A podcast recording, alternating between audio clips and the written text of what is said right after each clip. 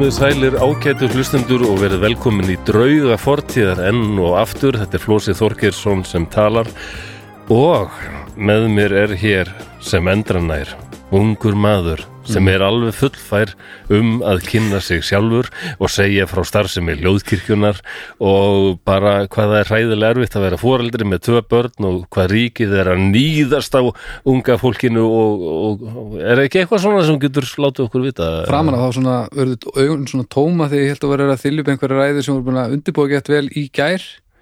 En svo fór þetta yfir í hitt og þá fattaði ég að þú varst bara orðin gamall kallar randa Ég? Já, en jú, en, ég meina, jú, jú, þetta er mjög erfitt líf náttúrulega, Já. er gjössanlega bögast og ég tala nú ekki um yfirvaldið og En Ég, hérna- ég finn til með foreldrum Finnur þú? Já, Finnur, og finnur til og með sjálfum þér þá? En þú ert kannski að tala um svona orðin sem er í baráttunni svona meira já þau, eru orðin eldgömmul og Já, Nei, þetta var alveg, þetta er núna finnst mér þetta, ég geti allir þetta sé ekki erfiðara núna, ég held það bara mikla kröfur eitthvað nei, þetta er ekkert mál. Já, líka, maður á, maður á þetta fólk sko. Maður ræður, ég ræður Já. sko. ég á þetta. Já, þetta, þetta er kannski valla byrja að vera erfitt hjá þér sko. Tvær stelpur svo, það er svo, skellur. svo vill þetta fara, fara í breyðablík og spila ykkur fótbolta. Þá þarf að kaupa treyjur og fótbolta og taka sko og, og borga fyrir hérna, ferðina á pæjumótið í eigum, þetta eru tugir þúsunda króna. já, já. Og svo Jú, komið útgjöld. jólin og eftir jólin þá er náttúrulega eitthvað svona eh, sprengidagur þá þarf að kaupa eitthvað búning þetta er bara, þetta er endalast Þetta, er, djúfelsins þetta, er á, þetta er fullt af vesinni en Oh. hins vegar, þetta er helviti gaman sko er það? já, og kapitalíska sko. auðvaldið það nýðist svoleiðis á foreldrum með því að byrta auðlýsingar sem, sem, sem beina svo mikið að börnum sko, ví, ví, ég, kaupið þetta Já, já. Drullu sigraða jógurt og, og gefið börnunum það og, já, ég er ekki, ég er ekki ánægð með þetta vissulega sko. næ, en, ég er er ánægð um með að, að hafa sko maður færi ekkert undir eðlunum kringustæðum að búa með einstaklingi frá því að hann fæðist og þangað til bara við komin, komin aldrei til þess að flytja út án þess að maður sé búin að koma sér í einhverja skringilega aðstæðu sem að, sem að maður ætti kannski ekki að vera í veist, ég er að fara að þekka tvo einstaklinga frá fæðingu. Það Jú, er pínu magnað sko. Já, já, nema eða náttúrulega kom, kemur ljósa þessu algjör fíp því að þá er ég náttúrulega í vandræðum. Þú getur kannski haft eitthvað svona með þess að þú ert í sérstakri stöðu til að koma kannski daldið vel í veg fyrir það að tveir íslendingar verðu fíbl. Nefnilega. Og, er En ég, núna er ég að komast að að, því að þetta er að gerast miklu hraðar en ég held sko. Lilja Já, hún, er, að, svo, hún er að verða daldið fíbl. Nei, að, að, jú, Jú, en, jú. en á góða háttin sko Ef hún fær að halda hún er, svona bara, áfram. hún er svo fucking skörp og svo fljótt að svara Já. og, þetta er svo advanced dót ég var, ekkit, ég var alveg búin að búið með undir þetta en ekkert núna hún Það er er tveggja og svi- hálf, svona bara að vera til friðis og Það er svika rappur í skemmtileg. Lilju. Ég sé það. það er nefnilega að Það er ekki blunda leipinni í viðskiptafræðina. hún er, hún er helviti klók sko ef hún væri í teiknuminn þá væri hún refurinn sko ég held það Já, og að spyrja hana hverjum hún haldið með, sko, næst þegar það er hverjum næstu við horfum út í njálskói barnamyndum ref og hunda. Ég manna krakkarnir mínu er alltaf að horfa á okkur ömulega væmna myndum vináttu refs og hunds. já, En síðan urður fullornir og þá, urður ekki? að verða óvinnir. Kannast eitthvað við þetta? leikinmynd, er það ekki? Jú, teiknimynd. já, teiknumynd, það, sérst, já, nei já. nei, ég kannast ekki við þetta og var þetta leðileg Mér fannst það, en mér finnst Já, já Nei, kannski er þetta veit ekki. þú voru að horfa bara einn núna. Já, ég, ég klúraði tóldi uppaldið banna minna. Ég hérna, var svo mikið þunglindur eitthvað og bara dofin eitthvað og, og svo ég var, ég var að vinna 100% á móttöku geðdild dálítið erfitt, svo kom ég heim og þau voru alltaf að horfa á Cartoon Network og ég gat ekki gat bara ekki sagt eitthvað, já nú langar pappa dálítið að fara að horfa á National Geographic og þannig að Þannig að það var æðislegt að ég var í frí í miðri viku og þau voru á, á leikskólanum eitthvað já, já, og kona mín var að vinna og ég var einn heima. Mm. á var bara að horta Star Trek og National Geographic og svo. já, já. en þetta er náttúrulega partur af því sem að margir gleyma sko. Ég finn alveg fyrir því að það eru margir sem tala um það að ég bara vera frábært að vera voruldri Já, og auðvitað er það ekkert ef, ef að ekkert annað kemst að þá myndi mér ekkert finnast að geðveikt. Nei, eins og núna með þetta hljóðkvíkjúdæmi ég var alveg til í að vera ekki búin að vera að vinna í 150% vinnu samhlega því að eignast nýtt badn og allt þetta en ég finn alveg að ef ég myndi til dæmis alveg draga mútur músík eða alveg draga mútur þessu og fara bara í fóreldra ég held að verði bara verra fyrir alla sko. Já, nákvæmlega það, það, þetta er bara eins og vorum að tala um daginn þetta er bara að setja grímin á sig í flugvélinu fyrst og svo maður geti aðeins lappað upp á hérna sko. Var ég ekki að tala í einhvern þætti um hérna hamingjuskálina? Í, Við erum öll með svona gleðiskál. Við þurfum að passa hún sé alltaf full af gleði því að þá geta allir fengið sér að súpa. Ertu að bjóða mér að súpur hamingjuskálinu Já, já. Eh, menn ef þú ert með hamingjuskál þá bara sjá það allir. Hún, hún geislar og glitrar og falleg en ef hún er hálf tóm þá verður hún ríkug og máð og ljót og hérna, Sko, ég er alveg með það gagnast engum Ég er nú ég að koma aðeins á mót fyrir þó sé eins og ógæslegt þetta er. En hamingjuskálin mín, ef, hún er þá til staðar en hún er ekkit bara glansandi til sínis fyrir alla og allir fáið súp, eitthvað? Nei, ok. Ég held að sjálfur loka á henni. Já, hún er bara í kæl, eða bara við réttan, hit- við rétt hittast þig, hún er ekki bara ykkur staðar út á glómbæk mikið enn í kæli. Já, ég veit það ekki, er þetta ekki hva, hvernig geimist hamingjar lengst er ekki, Þú veist að hugsa þetta of hérna bóstaflega, sko, þetta er náttúrulega myndlík það er eina leiðin fyrir mig til að díla við svona þvælu það Er það? tengja Já, við. merkilegt af því að hamingjuskálin, ég veit ekki hvort þetta sé til, sko, ég held ekki Erstu ekkert mikið með svona abstrakt hugsun Jú, en hún verður samt að tengjast raunveruleikunum allavega ef það er til þess að útskýra aðstæður í raunheimum Já, þá já. verður að vera einhver tenging á milli sko. ja, Þetta er bara þessi orka sem maður sendir frá sér sko. Þannig að Sumir senda bara frá sér negatífa orku. Það er bara þannig. Af einhverjum ástæðum. Já, Ég hef gert það mikið. Ég kalli þetta bara nærveru sko. Já, nervur, það er líka bara mjög mjög góða nærveru og sumir með mjög góða fjárveru það Já. er bara þannig. Ferfur og það, það er bara Já, það. punktur Sumir með góða fjárfur Það er rétt. Þeir eru mun færri. Ég held ég geti bara nefnt einn mann sem er, finnst 100% leiðilugur sem ég kynst á æfinni og nei, ég mun ekki segja það neitt. En sko það væri samt betra í rauninni maður er alltaf mjög, með mjög fáa í kringu sig hverju sinni. Þannig að því fleiri sem verður með góða fjárveru því er að maður er að ætlum að vera ekki að deyja úr hamingju ef maður þekkti ógeðslega marga með góða fjárveru og maður væri aldrei í kringu þá. Ég verð að heyra þetta aftur. Er maður að deyja úr hamingju myndi, myndi ekki gera mann hamingju saman að þekkja fullt á ógeðslega leiðilegu fólki og hitta aldrei Er það ekki Nei, veist, það held ég. betra heldur en að þekkja það ekki? Er það? Ég spyr mig, eða ég spyr þig. Já, ég, ekki. finnst bara samt sko nei, leiðilegt fólk ég, ég get alveg eh, ég, ég veit ekki hvort ég þekki bara það margar sem eru hreint og bein einhverju Ég stilli mér rosalega mikið inn á fólk. Já, ég hitti eitthvað þá veit ég að þessi, það gerist bara sjálfkrafi ef maður þessi taldi svona og svona. Já, og ég bara ég held ég sjá getur ég að stilla inn á bylgjulegn fólks mér finnst fólk, þú talar um nervuru mér finnst ég sensa svona stundum bara bylgju reyfingar í fólki já, það sem eru bara rúbúbúbúbú rosalega hratt sko, það er allt bara já. já, það er eitthvað kurvillinni sem snýst alveg svakalega hratt og Mhm. þá bara stillir maður stilla inn á það sem eru ægilega rólegir sko.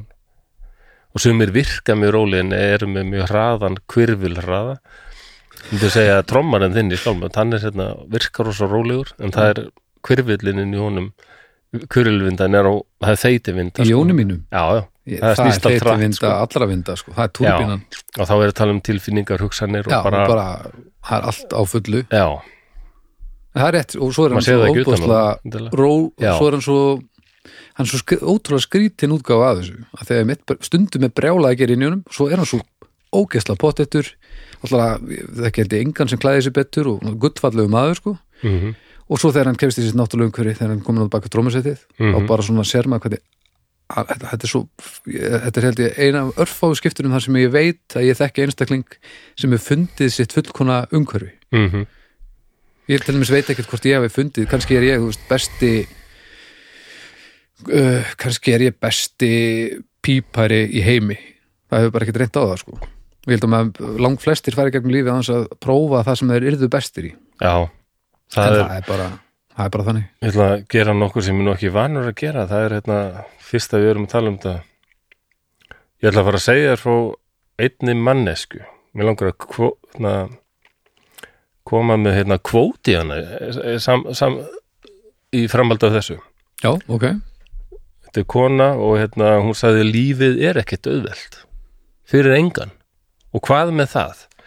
við þurfum að þróa með okkur seglu en fyrst og fremst tröst á okkur sjálf.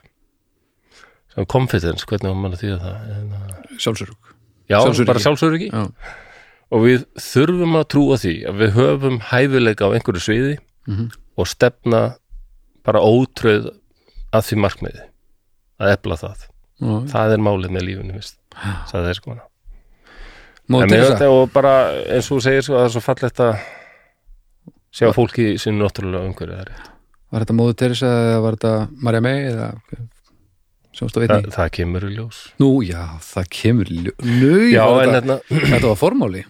Mjög gott. Já, en heyrðu hérna Við skulum minnast á nokkra hluti. Við erum að, við skulum minnast á dæmis. Ljóðkirkjan maður. Sex þættir í viku og þeir sem að hlusta reglu á draugana ættu nú að að vita þokkalega hvað hvað, uh, hérna, hvað þættir það eru. Og það er fjölbreytt alls konar þannig að þið getur kynnt ykkur það. Nýjir þættir á hverjum virku degi þannig að þið skoðið það bara á leiðurum mm Uh, svo verð, viljum við endilega tala um Bríó og Borgbrukus sem eru að, að samstarfs og, og styrtar aðilar okkar draugana og þetta samstarf er farið að telja mánuði. Það er, það er alveg Já, já, og ótrúlega frábært. við með núna að drekka í, þú fórst í fróðusleikina því að það er orðið rarity. Já. Ég fór í, í vítelin það er eitthvað bara sem gleðum við svo óskaplega við hann. Ég er nefnilega sammála Björgvinni sko, ég vildi að alla daga væru jól. Út sammálunum í allt annar áttund. Já, já Já, nei, ég var að grínast. Ég, það er náttúrulega bara geðsjúkum maður sem er samiðin að texta. Hver vill að þessu jól alla daga? Það er bara, það væri hryllilegt. Jöl var það ömulegt Já. eina sem góða sem væri við það þá getur maður ekki froska uh, ég ætla að fara að segja froskasleik froskastleiki, það er vittlust sko. Já, það er allt annað. Fróðusleiki alla daga Já. eða var jól alla daga kannski. Nei, nei, þetta var nú svona út úr dúr.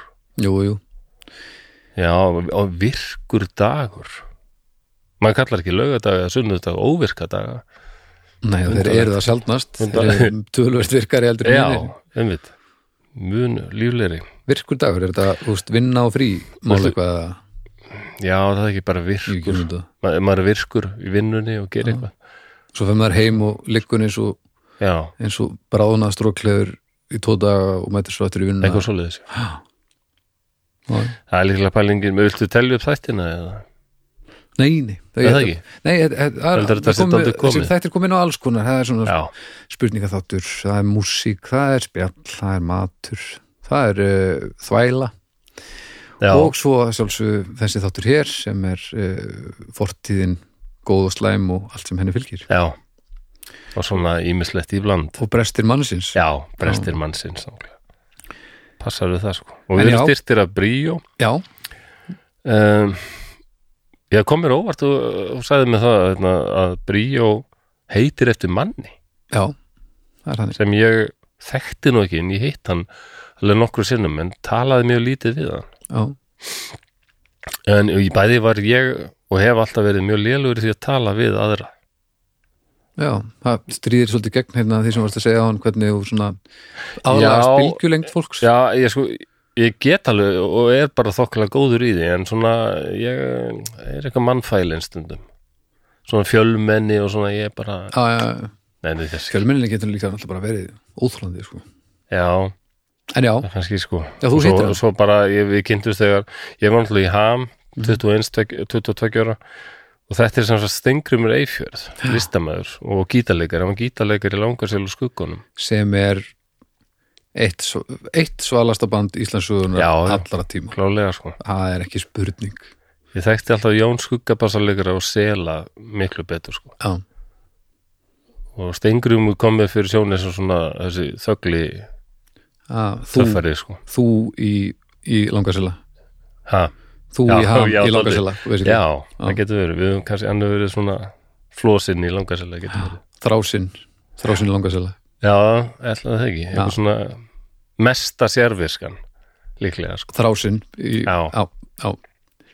passar Veistu, ég var í Danmörku og Danir eru daldið fram, fremri nýslýtingar í mörgu og þeir leggja svo mikla áherslu á svona hópastarf Hmm. grúpuarbæði það er bara það verði allir að vinna í hóp sko. og Já. hérna ég man að ég var hérna í skóla að læra sjúkraliðan og sagði það bara að ég er svo lélugur í hópastarfi nú, hvernig þá, að ég bara misti ekkert passinni þegar ég er svo sérvitur eitthvað, það er frábært. Mm. og við erum sérstaklega það, sko sérviska er frábær hópastarfi. Það er mjög mikilvægu punktur sögðu sko. Já, og það sá sérvitri hann oft hugsa svo út fyrir bóksið sko og kemur með einhver svona vingil er að fara aðeins eftir servisku tegund og magni. Já, já, öruglega þú veist, ég held að við myndi ekkert nenna að fara í bara páskaföndrið með nínasista sko þá bara það er bara gott að fá einn nínasista til að horfa á nei, hvað við setjum svona hakakross hérna á, á ungan? Það helst ekki. Nei, nei það, það er má draga línur og mörk í þessu, þessu öðru held ég. Já, já. En eh, já, en mér fannst aldrei hérna á Íslandi verða sko allir stiftir í sama mót, allir vera og hressir og bara, það er ykkur hugmynd og allir að vera á bakvið hana og hérna. Já, ef maður vogar sér að segja æ, minnst þetta er nú ekki sérstök hugmynd þá bara ef maður félagskítur og hvað er aðeins með þér en Danmörku var það meira svona já, endilega segðu frá því, hvað finnst þér að þess það verk líka. Og kritík og gag- gagnrýni er mjög mikilvæg þar. Já, já, en þess vegna gerist aldrei í Danmörku, ég var að segja hann Nei. þegar ég bjóði í skaginn og það tók þrjáru vikur hendur beinum vekk þegar eðina menninu komu það var okkur. því að, þegar þeir voru í hópstarfi og einhver segi ég veit nú ekki alveg hvort ef maður hafa hennar vekk svona. Ég vil kannski að prófa svona? Og svo eru bara þrjár vikur bara, að gott þú segir þetta, segðu okkur meira frá þessu. Já, eða þeim finnst bara alveg eðlilegt að það taki þetta langa tíma og þeir bara þeir byrja bara klukkan sjö eru búinir klukkan þrjú og það er ekki yfirvinnu kjaftaði Sjá dönum er fjölskylda nummer eitt, vinnan nummer já, jættel bara nummer þrjú sko, og bara, nummer tvö eða þrjú. mér finnst það ég alveg verið þannig sko. Já, já, er við erum að miklu- læra þetta. Maður á ekki að vinna of mikið alla daga taka helgatunundir líka, bara basically það sem ég er búin að vera að gera en það er alltaf, alltaf með planið að, Já. að koma þessi þann farveg að ég þurfi ekki að gera já, það en já, já, er já, hérna Bríó, já, Já, ég vissi ekki að hann hefði verið kallað Bríó, en þessi bjór var sem sagt kynnt til leiks á Ölstofinni 27. mæ 2010 þannig að þessu orði verður hann 11 ára gamall, já, Bríó mm uh, heitir í höfuð á Stengri með Eifjörð ég heyrði hann aldrei kallað hann Bríó hann hefur kannski fengið það gælunefn setna, hann var fastagestur á Ölstofinni eins og góðum listamanni sæmi, þá bara Nákvæmlega. fast hann gaman að sitja og kneifa öl og já, já. eiga gott spjall við, við andans fólk sem er enn hægt að gera dag. Já, já, ég meina Jónas, nei, Jónas hérna Æ, hvað heitir gaurinn sem er rosa töff ljóðskald rosa töffi, Hallgríms ég er búin að gleyma setna nafninu þessu Jónas hérna, Jónas, nú er það sumir brjálaðir. Já, ég ætla að leifa þér að engjast aðeins hvað er þetta, sem hérna samti hérna Gunnarsholma og hérna átti heimarni hraunu Öxnadal, Jónas ekki Hallgrímsson. Var hann Hallgrímsson? Jónas Hallgrímsson. Sem hérna sem tók stegaflipið Já, já, Var Jónas já, ég er, ég er vansvefta sko. Já, ég held að vera bara að rugglast eitthvað. Nei, ég bara stundum frísi bara. Já, eða bara það kemur þoka, bara ég man ekki neitt sko. fyndi samt að frjósa hafa rétt fyrir sér og kveiki ekki á því af því að, að þú komst með þetta strax sko. Held að Jónas Hallgrímsson og Húsavík hafa verið að ruggla með eitthvað. Já, Knarsbyrdu þjálfur Húsavík já, og allavega öðruvísi skáld myndi ég, myndi ég ekki sko En já, en Stengurumur Eifjörð Brí og hann, hérna sko, hann tók vist þátt í, hérna um, þróunin ég veit ekki hvort hann tók þátt í þróunin á björnum, en hérna alltaf var hann þróaður samstarfi við, sko, við ölstofuna ölstofuna. Jú, ég held að, að fastagestir hafa bara verið partur af ferluna einhverju leiti að, að hafa skoðanir og, en án þess, þess að ég veit það fullkomlega en, gaman að þessu. Já, og, og, og Bríó er náttúrulega fyrsti bjórin sem að Borg gerir hann er nummer eitt. Hann er nummer eitt, já, hann, þetta er upphafið. Já, já. Þetta er uppna, upphafið sko. Já, þetta er áhugavert. Sigur sælisti bjóri Íslandsögunar Bríja og Pilsner 4,7% hann er glæsilegur. Og nú er Já, loksins þú komin segir mér það, ég held ég hef aldrei smakað það sko. Nei, það var, og það sem er flott sko, þú, ég er náttúrulega fremsta, ég er aðal klappstýran í flosi leðurfráðu glasið liðinu sko. Það minnst bjóri alveg góður sko, en þetta, þessi, auka ölfunar áfriði, ég nenni þeim ekki lengur sko. Nei, við drukum ekki saman og það var aldrei leðilegt en, en þú varst svo leiður og reyður við þig svo lengi og eftir Já, og það já, var já, alveg ómögulegt sko. það var ekki þessi virði. Nei, já, já. Og svo ég tali bara út frá mínum hagsmunum. Nei, ég held að allir sjáu þetta. Já, ég held að allir hafi sammálað það. En hérna nú er loksins komin ég á, bríó áfengislaus þannig að þið, Já. ef þið hafið ekki nú þegar tekka á honum, þá skulið þið dembi ykkur í að gera það. Og við þökkum borg og, og bríó enn einu sinni kærlega fyrir að gera það með okkur. Já, það munar virkilega um þetta. miklu, miklu öðuldra Jæja, já, já, Ég var að fara að kíkja á það. Já, er ekki komið að særingu? Ég held það bara, nema þú hafir frá einhverju að segja. Nei, nei, við erum alltaf búin að bladra nú djúð lengi held ég. já, merkilegt að því ég hef ekki frá neina að segja Það er bara, ég, tala og tala og ekki frá neinu ég hefði kannski heldur átt að kaupa hennar leysi búi Ég bara sitji í honum alla daga. Það er flott, Já, segir þú nokkuð oft í honum? Já, já, mjög oft. Já, Það er alltaf lagi, sko. Já, ég vissum að læknirinn ná eftir að segja það sami eftir 15 ár. Já, það getur þegar hann er að reyna að breyta breyta sniðið hryggnuðinum í eðlilegt form úr setunni sem hann er að vinna með. Nei, ég þarf að fara að reyfa mig meira, það er alveg klart sko. já, og hérna ég veit ekki hvort það eru lifin en ég, ég, ég hef bætt mikið á mig sko. ég hef vanilega bara á bílun 80 til 85 kíló. Ég hef Mm. komið yfir 90 já, ég er alveg 92-3 það er gæti verið lifin þau valda vist ekki þingdaraukningu sko þunglindislifin sem ég er að tala um sko. þau valda ekki þingdaraukningu per se en þau geta haft áhrif á matalist en kannski er ég bara meiri löngun gráður er bara en ég meina, svo ertu líka bara eldast þú veist, það hægist náttúrulega já, öllum já, þú veist, þú ert ekkert metabolismin sko. þú ert ekkert að fara að detti þitt besta form skilur nei, nema þú farir einhverjar glólusar aðgerðir sem ég vona þú gerir ekki og, og ég ætla að leysi bóin sem bara meira næst sko. ég er alltaf býðið til því að tæknin ég held að hún væri alveg þegar ég var komin á þennan aldur þá er bara komin einhver svona það er bara grættir í mig einhverjir nanoróbótar sem myndu sífælt vera að laga uh, rörnun líkamanns og Já. ég erði 300 ára gamall þetta hefur allt brugðist. Alltaf henn þá já, maður sér það bara þetta er eins og gerfigreindin hérna já, á Facebook, það er allir svo hrættir við að Google er að fylgjast með okkur og svona, þetta er bara algjörst bull. Ég fyrir á Facebook og það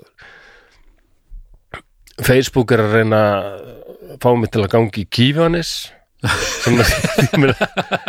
og, og um leið kaupa kannski latex, latex sokkabuxur með áföstum háum hælum þetta er, ég veit ekki gerfugreindin er fáviti. Þetta ekki bara með hérna, gerfugreindar að stilta á, á slæma dóm gerfugreind það hlýtur vel að vera. Ég, allavega, ég held að hún eigi langt í land Já, já. að geta fyrir að fylgjast mjög mikið með okkur. Ég vona að það Það gerist. eru samt, að en samt það eru tölfur sem eru alltaf miklu hraðari og læra já, og, og, hérna, og þróa sér sjálfar það er, er vandamáli sko. þegar það er detta, þú veist, þetta er bara moment þegar það detta yfir, fara að Já. læra og verða með þetta og uh, upplega sér sem veist, bara þræla eða eitthvað, þá byrjar vesindi sko. þannig um þegar þetta er komið á fjórar lappir og eitthvað eins og þarna Boston og já, veist, það er alveg, það er alveg ástæði fyrir því að er búið að gera eh, miljónir sci-fi mynda um að, að prentariðin er að taka yfir heimliðið eitthvað já, já það er einhver en það, það er ansi langt í það held ég með þetta, já, ég, en, já, já, ég, kífanis ég er þetta ekki bara eins og eins og með fólk? Veist, flestar Já. tölfur eru meðalgrind já, svo kemur bara-. Einstein skanninn og, og rústar heiminum eða eitthvað, ég veit það ekki. Já, hver veit. Ég, ég byrð eins og einhver spenntur eftir þessu. að gerða greindin verði bara virkilega klár og ég geti verið að ganga um einhver stær í London og þá bara kemur svona pling gerður greindi segir Flósi við tökum eftir því að þú ert núna í Whittaker Street eh, þar sem þú varst nú áhuga maður með sögu og glæpsamlega atbyrðið, má benda þér af það að það voru 1755 þá Ah, bleið blöðið eitthvað svona þetta Ég, ég, ég vildi að þetta veri komið, en þetta nei, er- það er bara að vera að bjóða mér í kýfanis. en til þess að til þess að þetta gerist þá þarf gagnagrunnir að vita rosalega mikið um þig. Já, og það sem er að gerast núna er að mengið sem þú hefur í Google og svona, það er alltaf að þrengja staðir, þannig að þú hefur minni aðgang svona eðlilegt fólk sem veit ekki hvernig aðtafni sem hefur minni aðgang að öllu efninu á internetinu, bara áhuga sviðis búblan sem er búið að smíði kringu það. Og þá fyrir við að mm, þá erum við búin að draga okkur í dilka og þá fyrir við að aðskilja okkur og, og bara hef, erum ekki með heft aðgengi að nýjum upplýsingum. Og þá á Mhm. endanum gengur þú bara í kífanis þegar það er búið að segja nú ofta bara við farið í kífanis og þú serði ekki neitt annað. Þá bara þetta inn já, já. Nei. ætli þetta sé ekki dagurinn? Er í það er bara einhver hræðslu orður og ég hérna halló, ég heiti Flossi ég er Nei, nei, ekki nei. góður í hóp en hér er ég. Ég, Eitthvað ég skal vera, ég tala náttúrulega ekki svona fyrir það fyrsta. Tala það nákvæmlega.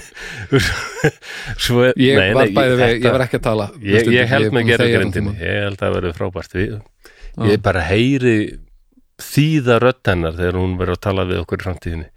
Mundu að ég er vinur þinn ég fylgist með þér hvert sem þú ferð er Og segja þér og ég er á svo ferðalagi skellingu lostinn sko. já, þú ert, þú ert bara hrættur já, ég vil ekki að ég vil ekki að akkur hún segja mér en þetta ekki vendur mér hún sé alltaf að fylgjast með mér. Þetta er bara ekki? lægi hvaða einstaklingu sem er í kærður já, já, það, við þurfum við, við erum búin að komast að því að Guð er ekki til.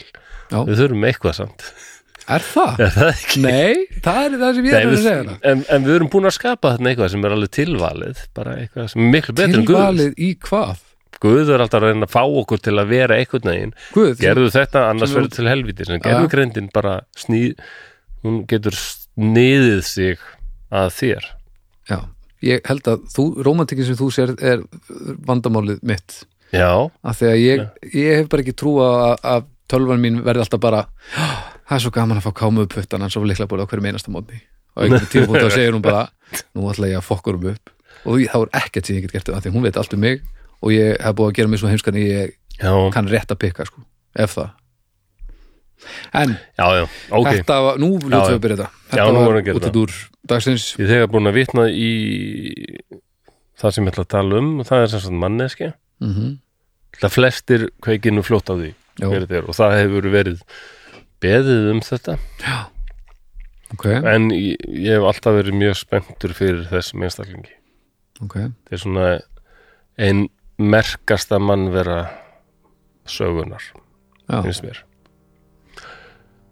Já, en eigum við ekki bara að fara að setja ykkur í stelningar ágætu hlustendur og allir. Þá er loksins komið að því að við ætlum að slæka þess á setja okkur í stellingar því nú er komið að því að særa fram drauga fortíða fortíða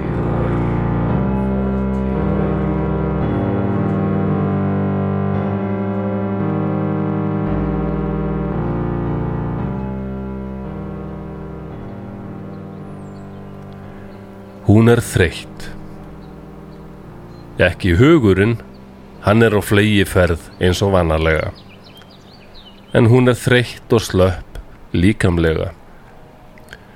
Reyndar er þetta líklega meira en bara þreyta og hún veit það vel.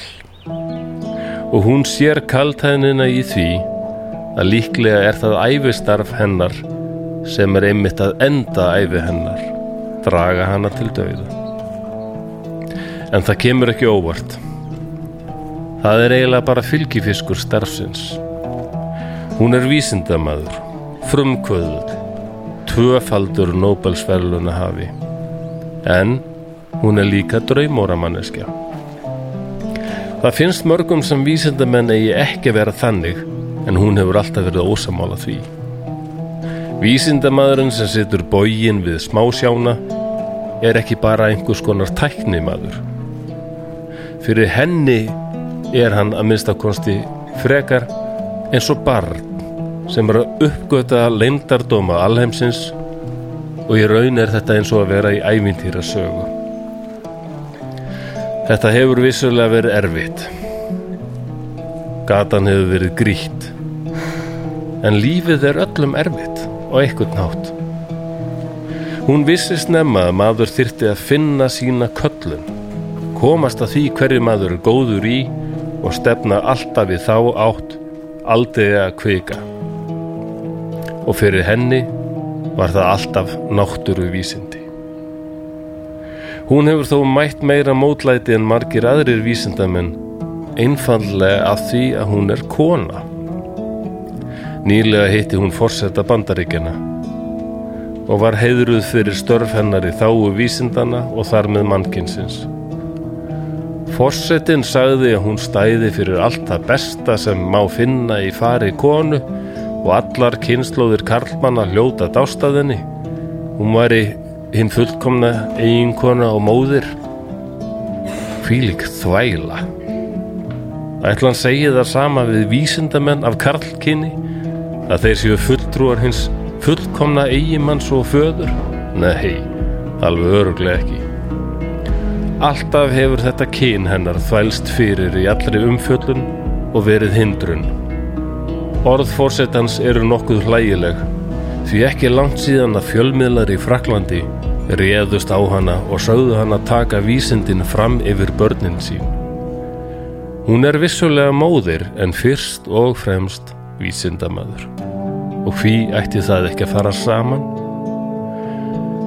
Þegar frönsk stjórnvöld áttuðu sig á því kvílikan móttökur byðu hennar í bandaríkjunum, var í skyndi haft samband við hana og þeir vildu sæma hana heiðusmerki því ekki væri hægt að láta bandaríkin sjá að Frakland hefði ekkert heiðurað einn af sínum fremstu, ef ekki þann fremsta, vísindamann landsins. Hún neytaði. Ekki fekk hún svo mikið sem eina viðurkenningu fyrir röntgenvagnana sem hún hannaði til að nota á vývöldum í fyrri heimstyröldinni. Nei, henni þykir vissulega vænt um Frakland en þarna var hræstnin of mikil. Að vissuleiti skilur hún viðbröð frakkana því hún átti sjálf ekki vona þessum svakalegu móttökum hér í bandaríkjunum. Hún var strax bóðin í mat til frú Andrew Carnegie og svo var einnig móttaka á Waldorf Astoria hótelinu og Carnegie Hall. Hún opnaði svo síningu tilenga rannsóknum hennar á radium sem er eiginlega efnið sem gerði hana fræga.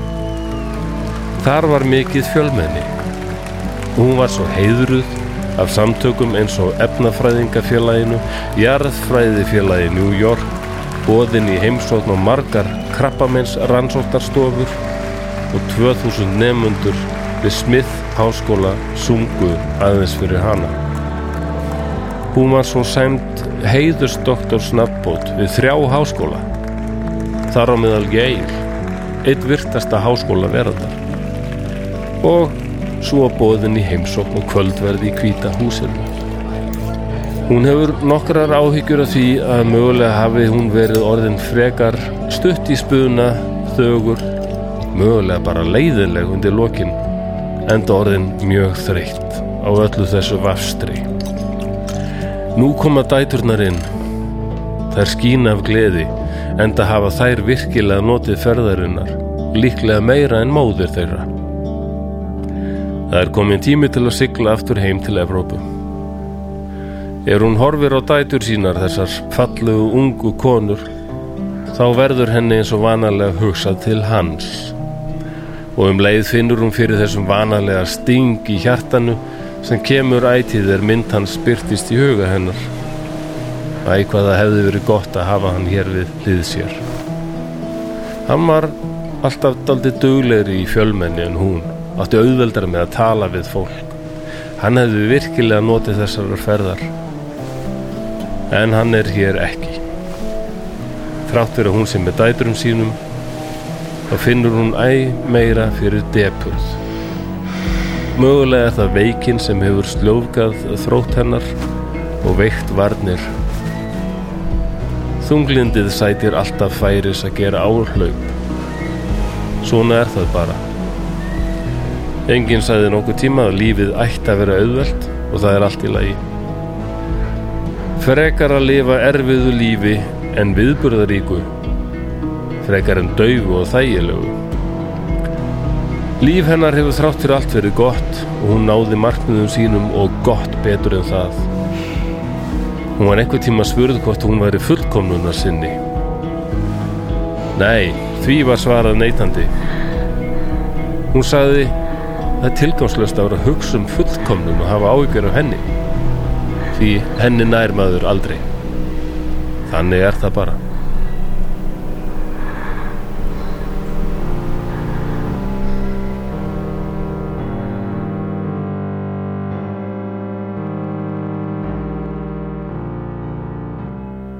Og þá er lesturinn og lokið allir opnað augum og við ræðum um þessa mannsku.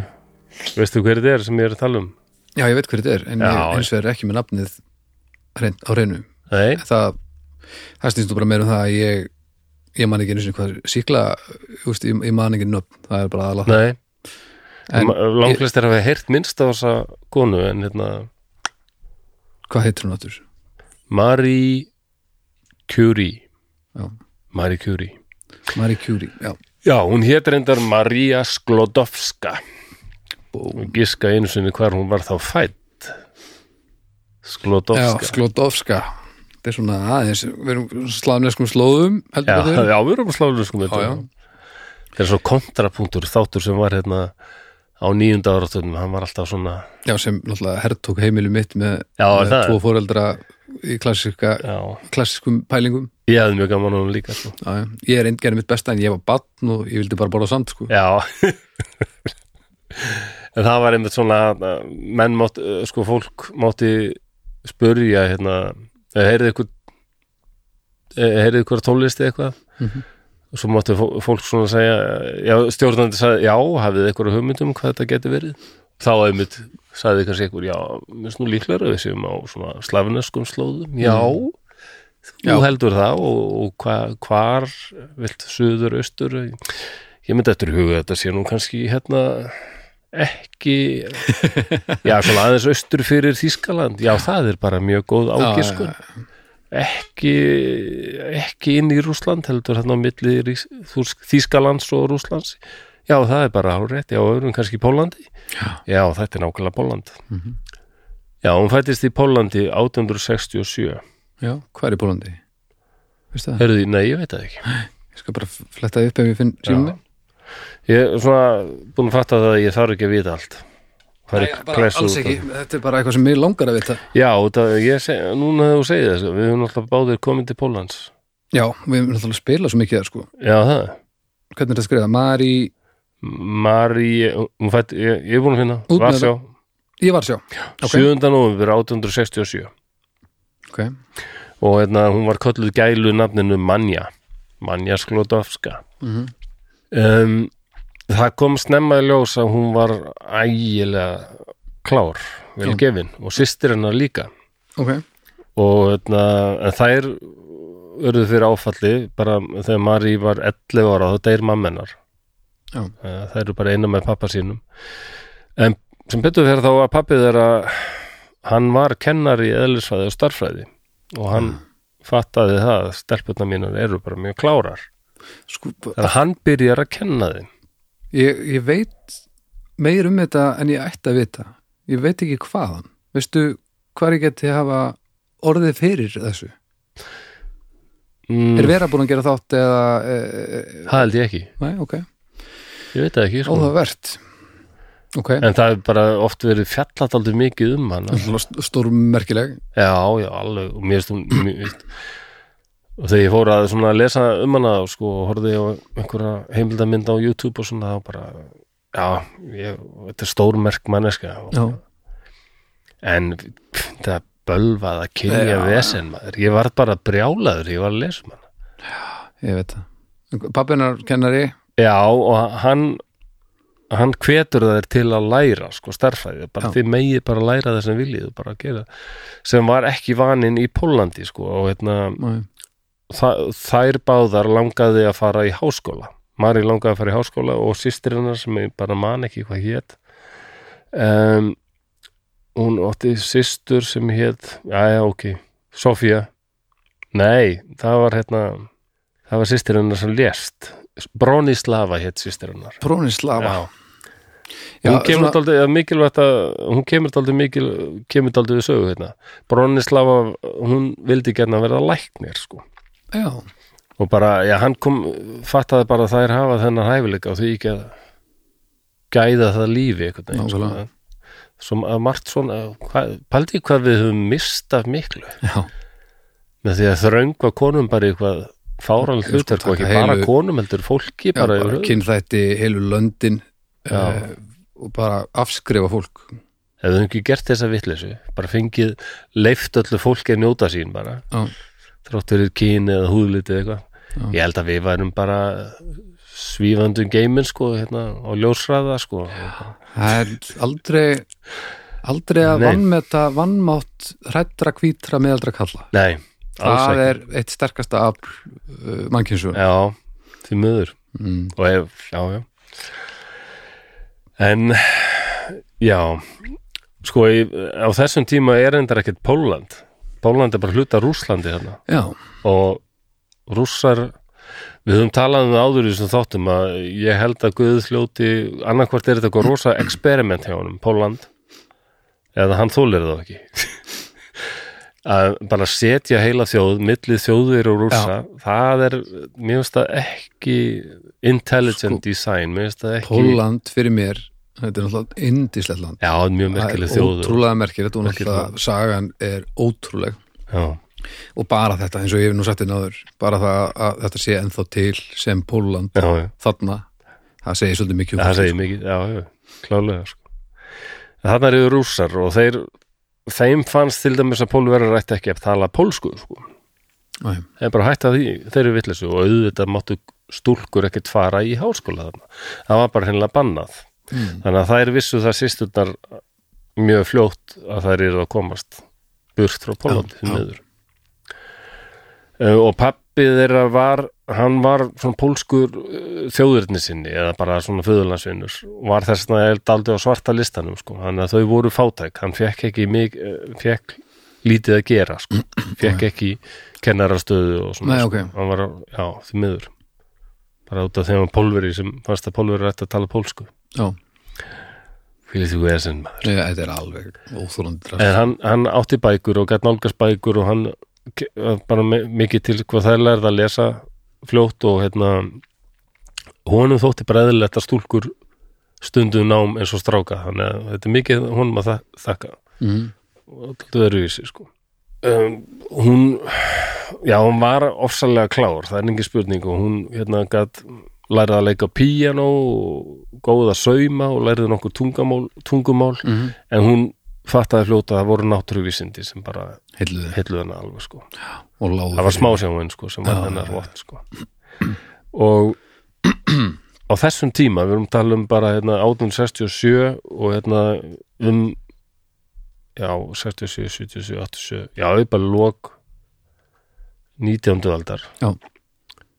þessum tíma er Frakland alveg svona aðal landið einhvern veginn sko. Já, heimsveldi. Já, og svona op, þótti svona opið. Til dæmis var vitað að konur gætu gátu sko lært við háskólan í Fraklandi en að fræga Sorbonne. Já, og hérna París var orsalega mikil svona höfuborg Európu daldið, má segja þessum tíma sko. já, París er ímyndin bara svona lifir á þessum tímum svona sem sem bara, já, aðeins lakara sko. Hvort sem það á við eða ekki núna náttúrulega. Nei Það það var þannig að þangað lág leiðin sko. mm. en það vantaði peninga pappið er átt engan pening svo um, þær gerðu þann samning um, hún hérna reið sig sem hérna kennslukona og sjáum svona einhver heimili hjá efna fjölskyldum Já. kenna börnum og svona Hversu gömul er hún þá? og hún er bara, Bara unglingur eða? já, já svona alltaf ekki verið bara mjög fljótt sem hún fór að gera þetta. Já. 18, 19, 20, ég veit Já, ekki nákvæmlega. Bara ungum en ég veit jú, hún kemur sko til Parísar ekki 1891 þetta er 67, 77, 87 já, 23 pjör ára gumbul Já, ok. Já. Það passar, 18 ára. Mhm. þá gera þetta sko að, að Mari segir sko hérna ég safna peningum, nei þú fer til Fraklands Mhm. við Brónislava Mhm. og ég vinn hérna heima í Pólandi og sendi þér. Já, og þú lærir læknisfræðina. Og svo þegar þú ert orðin læknir búin, þá kem ég til Parísar. Já. Og fyrir að læra. Þetta var dýl sem þær gerðu. S- Þetta er svo gott plan sko. Já, og þetta Talandi gekk um eftir. Bara sjálfsberga viðlitni og bara já, að taka málunni í sínar hendur. Og hún vann í sex ár sem hérna Hanna já, kennari Þarna. og sjáum bara vann mikið og svo bara var hún lóksins komið með nóg til að fara til Fraklands en Já. var mjög peningalítil og var ofsalega fátæk og hún var ofta að pant, skamta sér mat. Já, oft sem hún hafði ekki detna á því sko. Var því oft þreytt og hungruð en hún segir samt um henni leið æðislega þráttur að eigi ekki neitt af því að hún var þarna farin að læra sko. Bara, það var æðislegt var stórkoslegt Uh, 1894 þá, þá gerist aldrei merkur atbörður sko því að þá tekur hún eftir því að það er maður sem er aldrei mikið að horfa á hana svona, Mm. og myndalegu svona um, hann, hann Pétur eða Pierre Curie mm sem er á svona myndalegu með skegg og svona kynnist henni sko. Já, og hann verður rosalega hrifin af henni. Ok. Ég held að hann hafi ég til ég, veit það ekki ég meina, þetta virðist það að vera ást í fyrstu sín en hann virðist það sko, oft talað um það að hann var rosalega heillar af henni. Mm. að hún var klár Já, og hvað hún var bara þessi einurð sem hún hafði sko. Já. Hún var svo ákveðin í þessu. Ást við fyrstu sín já, þetta er aldrei Það er kannski rosa mikið talað um hana bara sem eitthvað frábært að þið pældi hvað þetta getur verið creepy líka. Já, ef þetta til dæmis bara virkar ekki báðrættir nei, mitt það dæmis, það er bara eru stólkarar. Já, er það ástu fyrstu sín í aðra, í að, bara í aðrátinu þú segir nokkuð. Þetta er góð pæling. Því já, ég held nefnilega nei, ástu verður fyrstu ást sín ekki að vera með tvo póla sko. Er það? ég er þetta ekki alltaf þessi ástæðlega, þetta er, þetta er svona á milli fólks. En þú veist, en svo er talað um matarást og hitt og þetta. Já, það er alltaf og veist, og brauðið er ekkert, þessi samloku elskar mikið og ég sé nei, stuði sko. það er, það er allt annað ég, og ást á fjölskyldunni eða börnum sínum, það er allt annað. Hún þarf samt ekki verið endurgóldin. Veist, ást, ástin á að liggja hjá hverjum og einum. Ég allavega legg þann, þá merkingu í það sko. Já, veist, einhver, og þegar einhver deyr já, þá, þá dettur annar pullin út en, en ég myndi ekki segja að, að stemmarinn hverfi sko. Nei, nei. Þannig að í rauninni eru, eru stólkar bara miskildir elskör nei, nema ég er alls ekki að segja það að, alls ekki, en á, þetta var út úr nú kemur lag upp í hausinn á mér með hljónstinni Police. Já, sem allir haldaði mitt þessi ástalag. Að every breath you take ó, every já, move you ó, make nei. I'll be watching you. Þetta er, er er gerfigreitin texti. Þetta er gerfigreitin, hún samt hennar texta mm, sem þú elskar, sem þú ert að býða eftir að, að fylgist með þér út um allt og, og hlustaði á handa og Sting. horfa á því sofa og allt þetta sétt sem maður á það ekki var að gera. sting sko, ekki æ sting, Ah, þetta ok. er bara sting. Sting æ en allavega hjá þeim Mari og Pér þá var þetta þau löðust bara mjög fljótt að hvort öðru sko. Og þau giftast bara eftir, við erum búin að vera þekkjast í ár þá gift, giftaðu sig sko. Ok, næs sko á þessum tíma hún verður fljótlega mjög, mjög spennt fyrir fyrirbæri sem maður vitað að væri til, það var geistlun mm. og hérna, hún fyrir að ra- rannsaka sko ímis frumefni og að reyna að finna geistlun í þeim sko. Og hún vann mikið með eitthvað sem heitir Big Blendi eða Pitch Blendi. Big Blend ég held að heiti það á íslensku. Já, um, það er eitthvað þannig að það er sko Big Blendi getur verið svona orð yfir kókið sem fyrir landan og hún var ásalega hrifin til dæmis af uh, sko vinnu Vilhelm Röntgen sem fann þessa Röntgen geisla sem flesti þekkja nú held ég Jú, jú, og maður sem heit Henri Becquerel hann kemur meira við sögu eftir okay.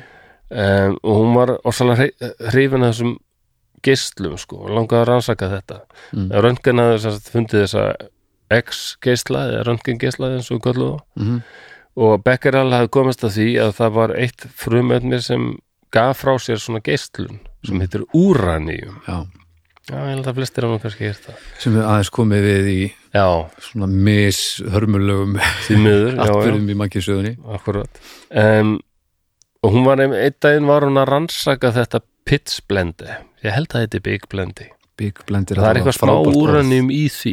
Og bara hljómsveitunum Já, Pitts blendi Og hún átti vona því að væru kannski sko nokkru geislar frá úraníunu úraní, úraníuminu Úraníinu. úraníuminu minu úraníinu í Big blendinu Já, en hún, henni finnst hún sko skinni að komast að því að það er, það er fleiri, meiri geislunin en ætti að vera mm. þannig að hún fer að hugsa það er eitthvað efnið þarna í bygblendinu sem við erum bara ekkert búin að sko uppgöta sko. mm.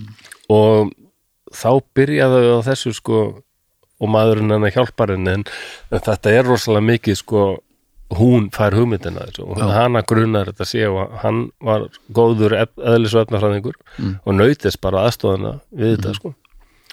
En var, þetta var múið mikið hún sko. Já.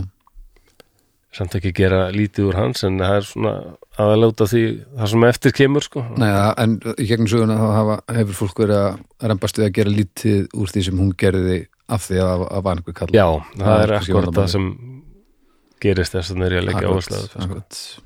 Já, og þau fara að sko hérna, rannsaka þetta úranjum sko og hérna geislunina frá því sem bara var nýbúið að uppgöta þarna á þessum tíma Mhm. um, þessi Becquerel hefði sko uh, eiginlega komið með þá tilgáttu við að ég ætla fært sönnur á það að þessir geislar gætu farið í gegnum efni Mhm. um, getur fæðið í gegnum sko gufu og hérna meira að segja haft áhrif á loftið þannig að- að rammætt færi auðveldar í gegnum loftið sko. og hérna hún fyrir að rannsaka ósalega mikið þetta pitsblendi og hérna þetta var rosalega skýta vinna. Það er ekki, maður er alltaf með myndafinni sko í smásjóni en það eru marga myndir af henni og hún heldur á úri.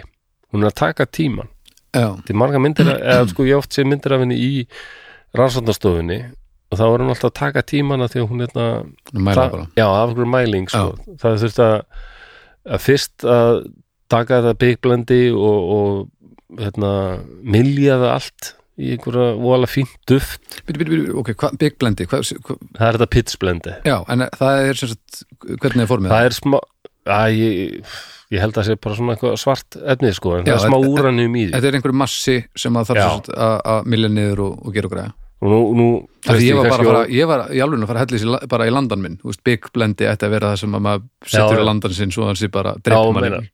Bíkblend En að, ég held að margir í umræðuhofnum okkar sem kannski það getur verið ykkur efnafræðingar eitthvað sem hefur gaman að Já, heldur að Big Blendi sliðið fari nú skrýða fram úr, úr sko. myrku Já. hornum internetins, ég er til í það. Já, já, já, fer, ferðast um Big Blendur internetsins. Núna bara, sem ég bara svona heyri svona logan og, og, og bjarman svona byrtast í augunum á Big Blendis fólkinu sem hefur aldrei áður fengið tækifæri Nei, til þess að hella úr sínum visku brunni Loksins maður.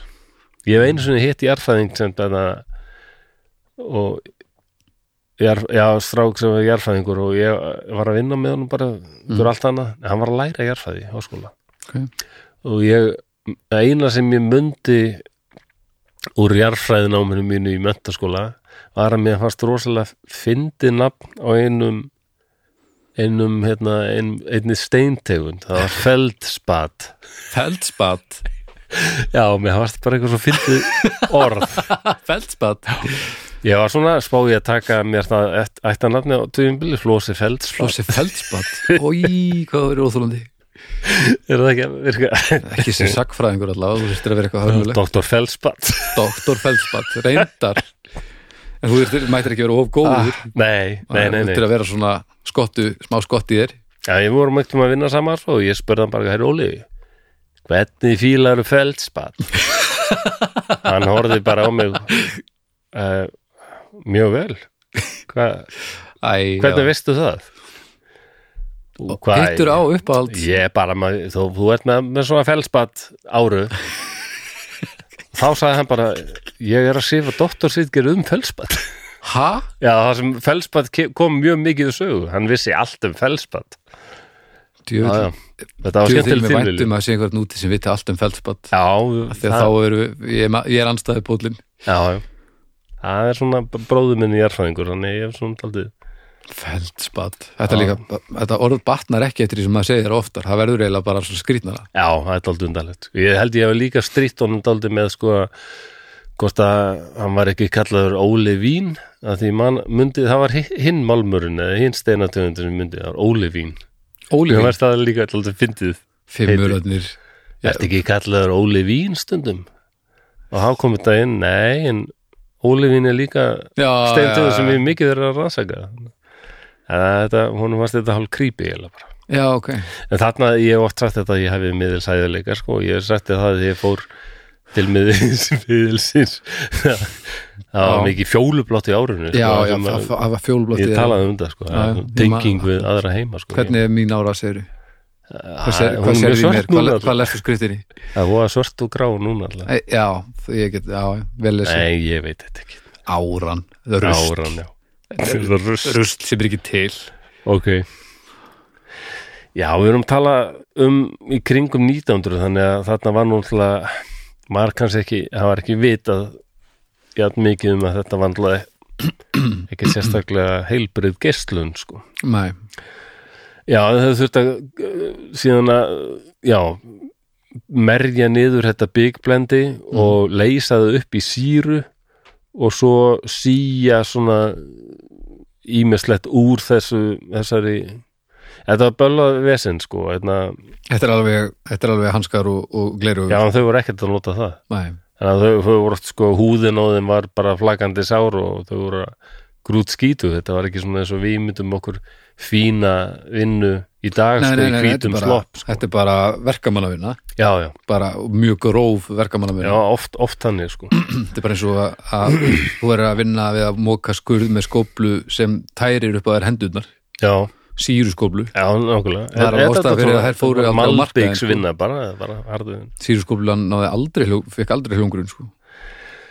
en um, að lokum þá eh, tekst þeim að þau eru búin að einangra þarna eitthvað svart efni mm sem, og komast að því, þetta efni er 330 sinnum geislavirkara heldur en úranjum miklu geislavirkara. Og svart, segir já, þú og hérna, hún segir bara hvað er maður að kalla þetta?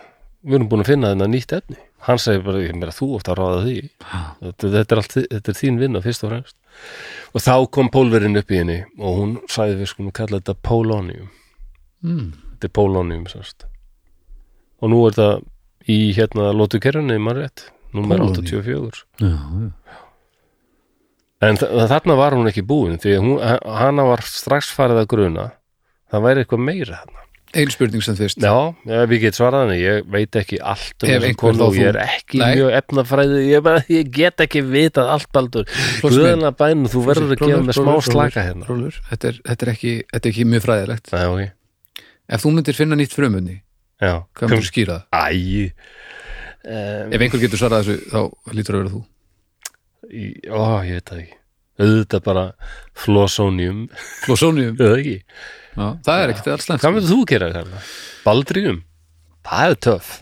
Baldrium. Baldrium, já það er eiginlega pínu gott já Eða eitthvað svona balroggium eitthvað. Já, Eða hvað má, er, hver, Þannig hver, kem, hver, kem, hver kemur ljós sko, ég er sjálfhverfur sko, því að hún skýrði aldrei neitt eftir sér sko, en hún uppgötaði þarna tvö efni Já.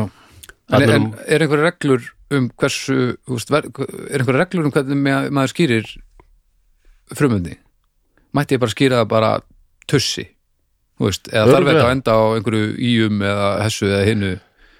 Já, ég vil svæði. endar þetta á einhverju íum sko, en hérna tussíum Tussíum? Sleið, Já, já. ok, ég þarf ekki að að- þessu meira. Ég er með, með þetta bara, gott já, já. Og svo er náttúrulega hérna ég sagði, eins, ég sagði frá hún Jack Parsons hérna, hérna dulspekingnum sem var líka eldflöga fræðingur Mm. og þáttum hann Eh, dul dýnamít dulspekið, ég hérna það ekki Það var mjög mer merkilegur gaur. Ha, Ég ertu að tala um flaugar og fjölkingi? Flauðar og hvað fjölking sagðir þú? Dulspeki og dýnamít Man ekki einu sinni heitin sem ég gefið þessu sjálfur. Nei, nú verður að gera þátt sem heitir það því að þetta er frábær titill. Dýnamít og dulspeki. Það Já. er þáttur sem ég er til í. Já Nú gera það? Það verður þá um Nobel og eitthvað rosalega miðil. Þetta var fyrsti apríls þátturinn já, nokkulega, að Nobel festist í fjórðu vítinni bara. Já, eftirminnilega. Já. En hvar var ég?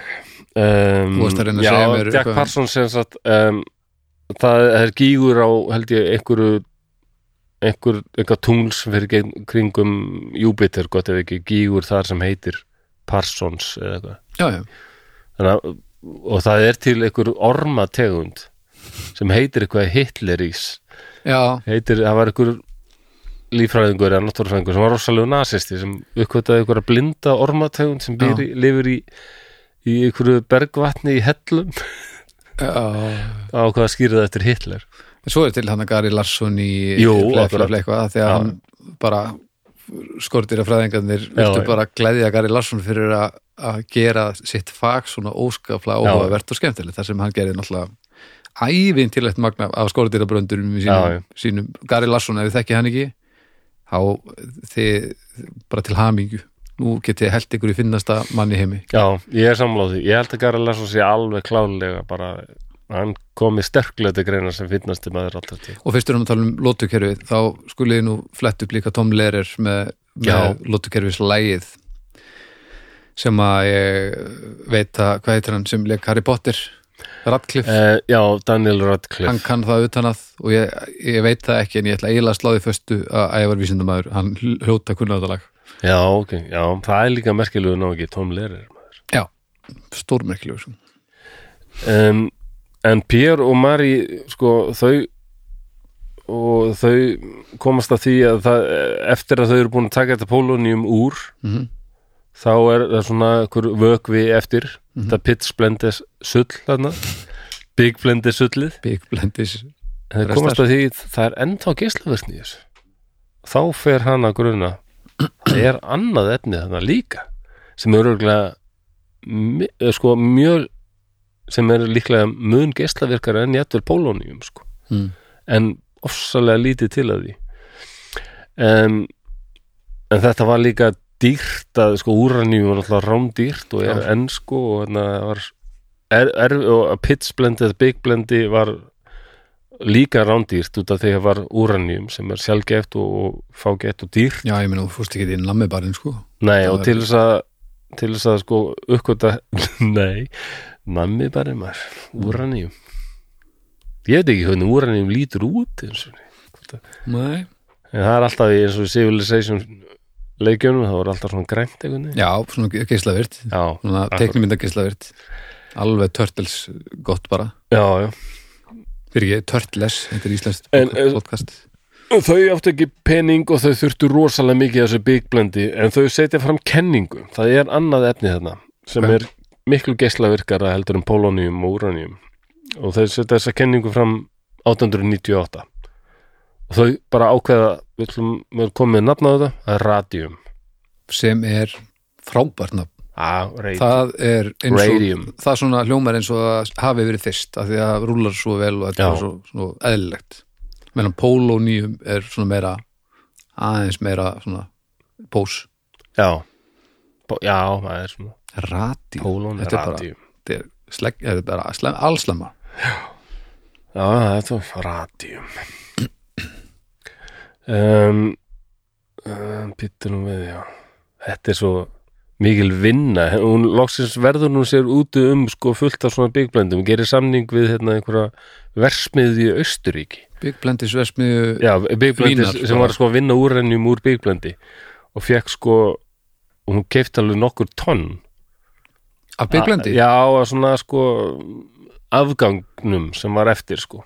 Svona, svona eins og lakrísafskurðinir uh, ég veit, jú, alltaf ekki bara bara svona reistur að poka Big Blendi Stundum veit ég aldrei hvort, hvernig ég var að svara spurningu Nei, ég bara er bara að velta svo fyrir þú veist, hvernig, hvernig fær maður einhverjar Big Blendis restar frá Austuríki þú veist. Já, það var eitthvað versmiða sem, sagt var, sem vann við það að var með þetta byggblendi og vann úrannjum úr byggblandinu og þá var eftir, eftir eitthvað svona byggblandis hún keipti alveg fleiri tonna þessu sko. Hvernig, hvernig þú veist, til dæmis er maður að færa úraníunum og svoleiðis, hvernig er þetta hvernig er þetta flutt ég, ég veit ekki mikið um það veist, en í dag er alltaf ekki að setja mjög í viðbúnaður ja, sko.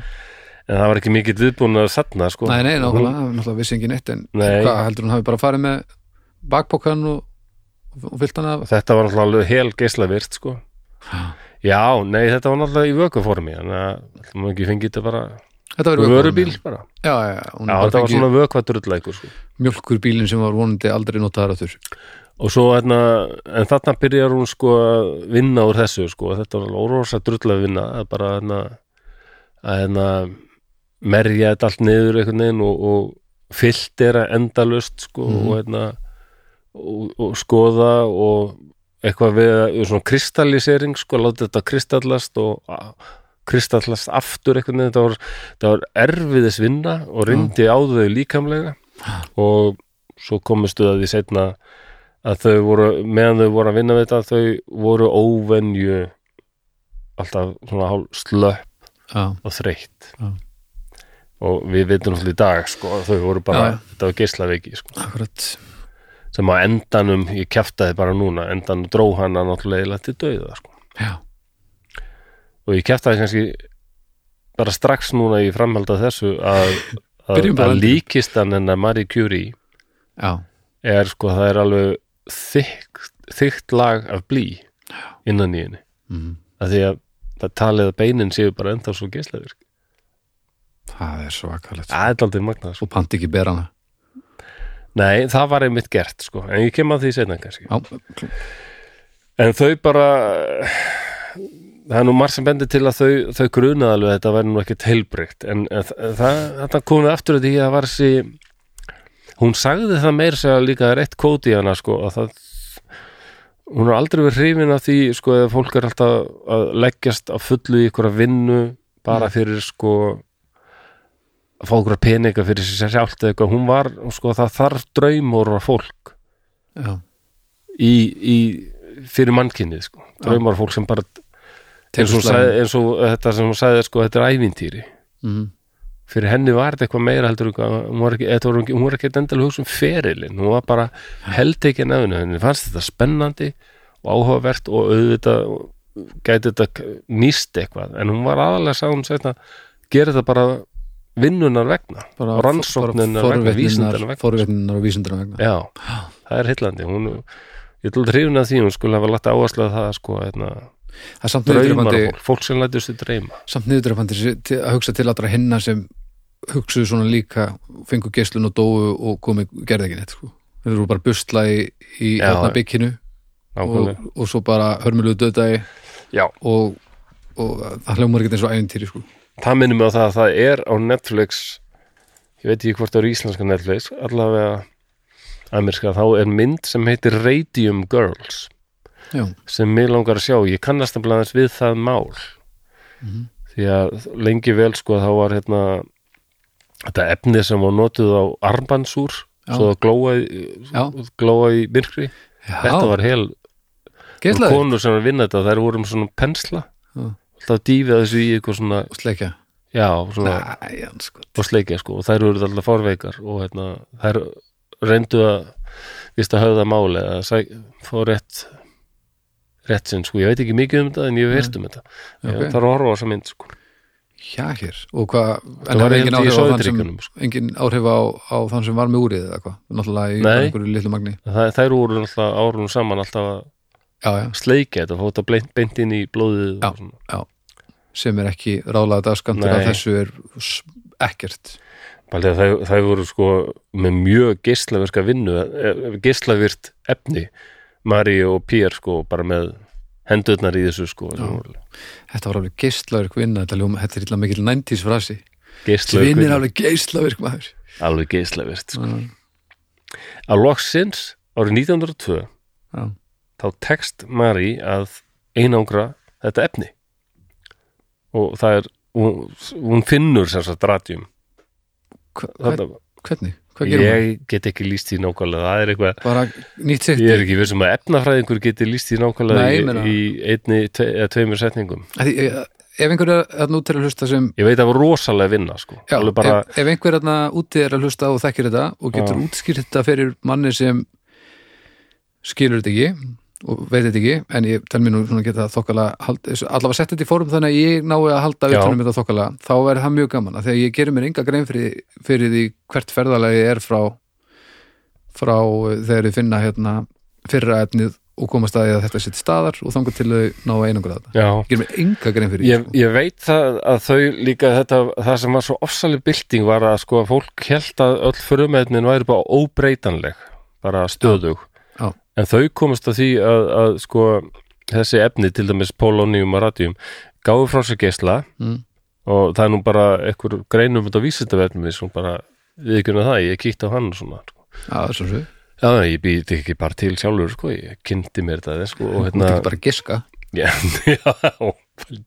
Ógeðslega næsta þátt hannig bara, ég bara giska eitthvað Giska staðnendir Já, Já, e eitthvað mál bara hérna Ég skal, þá, forseta ég hérna skal segja frá volgastriðinu, flósum minn Já, hann, hérna, þetta það verður svona svo og þarna Sigur og Jón þegar þau voru að tala um hérna þegar Deep Purple var stopnuð það er bara Já, já, já, besta útvarsatriði allra tíma sko. já. Lars, Lars Ulrik og okkur maður sem heit blender kynntust á okkur litanamskiði og sem báður smikli áhuga maður menn um hérna base litin já. Þetta er Lars Ulrik var fyrsti bassaleikari Deep Purple. Ah, ok, það, þið þurfum að finna þetta ég held þetta á YouTube. Já, en þau komast að því að þessi efni gáfu frá sér geisla og með tíman þá breytist þau. Já. þau tóku breytingum. Það var rosalega sko hérna og svo fóruðum að vinna við það sko er hægt að vinna radium og gera það nógu reynd til þess að væri hægt að fá málm. Og Já. kannski nota þetta efni í, í eitthvað sko. Já, já, já. En þarna er náttúrulega fólk farið að taka eftir Niðurstöðunum. Já og bara ok, þessi kona er bara heldur klár. Hún með og hún bara líkur doktorsprófi árið 1903 við Sorbonne. Það voru ekkert marga konur sem verður doktorar í eðlisfræði eðlisfræði, eðlisfræði hérna árið 1903 Nei, eða á þessum tíma sko. Nei, nei, nákvæmlega. En, og Pér verður líka frægur og, og, hérna, en honum er síðan bóðin sko staða, kennarastaða Mm. ekki henni nei, nei. Nei, en þá ég, ég er ánæðum með bæði pappinar Mari Mhm. og svo Pér líka, ég held að Pér hafi verið flottur gaur sko Hann var ekki í því að og sér hann var hríminn á konun sinni og vissi að hún var snillingur Já. og hann vissi alveg að hún var á sínu sviði bara miklu klárar en hann Já, í þessu, sko, Já, geislum og svona. Hann vann mikill með, með svona kristalla pælingar svona, eða mikill martaldið í öðru en hún fannst æðislega gaman að aðstóða hana og já bara fór mjög bara spennandi. einsinn inn í þennan- þetta svæði. Já, það kemur ég, ég er að segja þetta út af því að það kemur meira að því setna sko. Ok. þá let Pér til sín taka sem er aldrei glæsilegt Pírli til síntaka Já, þetta er sama ár sko, t- 1903 Já, hann fær hérna stöðu en ekki hún og þá hérna, og hann fær að vera yfir hérna meðal hans hlutar stöðu var aðgangur að fullkomnu fullkominni hérna vinnustofu. En þau höfðu verið að vinna þetta bara í ykkurum skúr hingað til. Já, bara einhverjum svona, frekar slæmum skúr sko sem var hérna svona, svona kaldur og blöytur oft og Já, já, það er rosa vinna, þetta er bara eins og í bílskur sko. kallt og blöytt og geislavirkni. Já, Allt sem líka með þarf. En þarna fóðu alveg rosalega vinnustofu og hérna, það sem hann gerir er hann ræður bara ræ, ræður aðstofar fólk mm? svo ræður hann mannesku til að vera yfirmaður vinnustofunar það var eiginkona hans. Hann var við að nota nepotisman hann ég, ég bara ræð. Bara gerir hann að gera sem flottur. þarf að gera í ósakjöldum heimi. Og hann þurfti að láta taka til sín aftur þetta sama ár. Því að Pér fær bref Mm. frá Stokkólmi árið 1903 Æ, já, já, og þar er honum tilkynnt það að hérna, það eigi að veita honum mm Mhm. Nóbelsvelun í eðlisfræði fyrir rannsóknir á geislavertni og hann eigi að deila þessum velunum með manni sem heitir Henri Becquerel þessi sem myndist á áður. Mm. það var ekki minnst einu orði á Marie Curie neinstaðar þannig og hérna Pér bara skrifa hann tilbaka og segi bara þetta, hvað, okkur er ekki, hvaða rugl er þetta?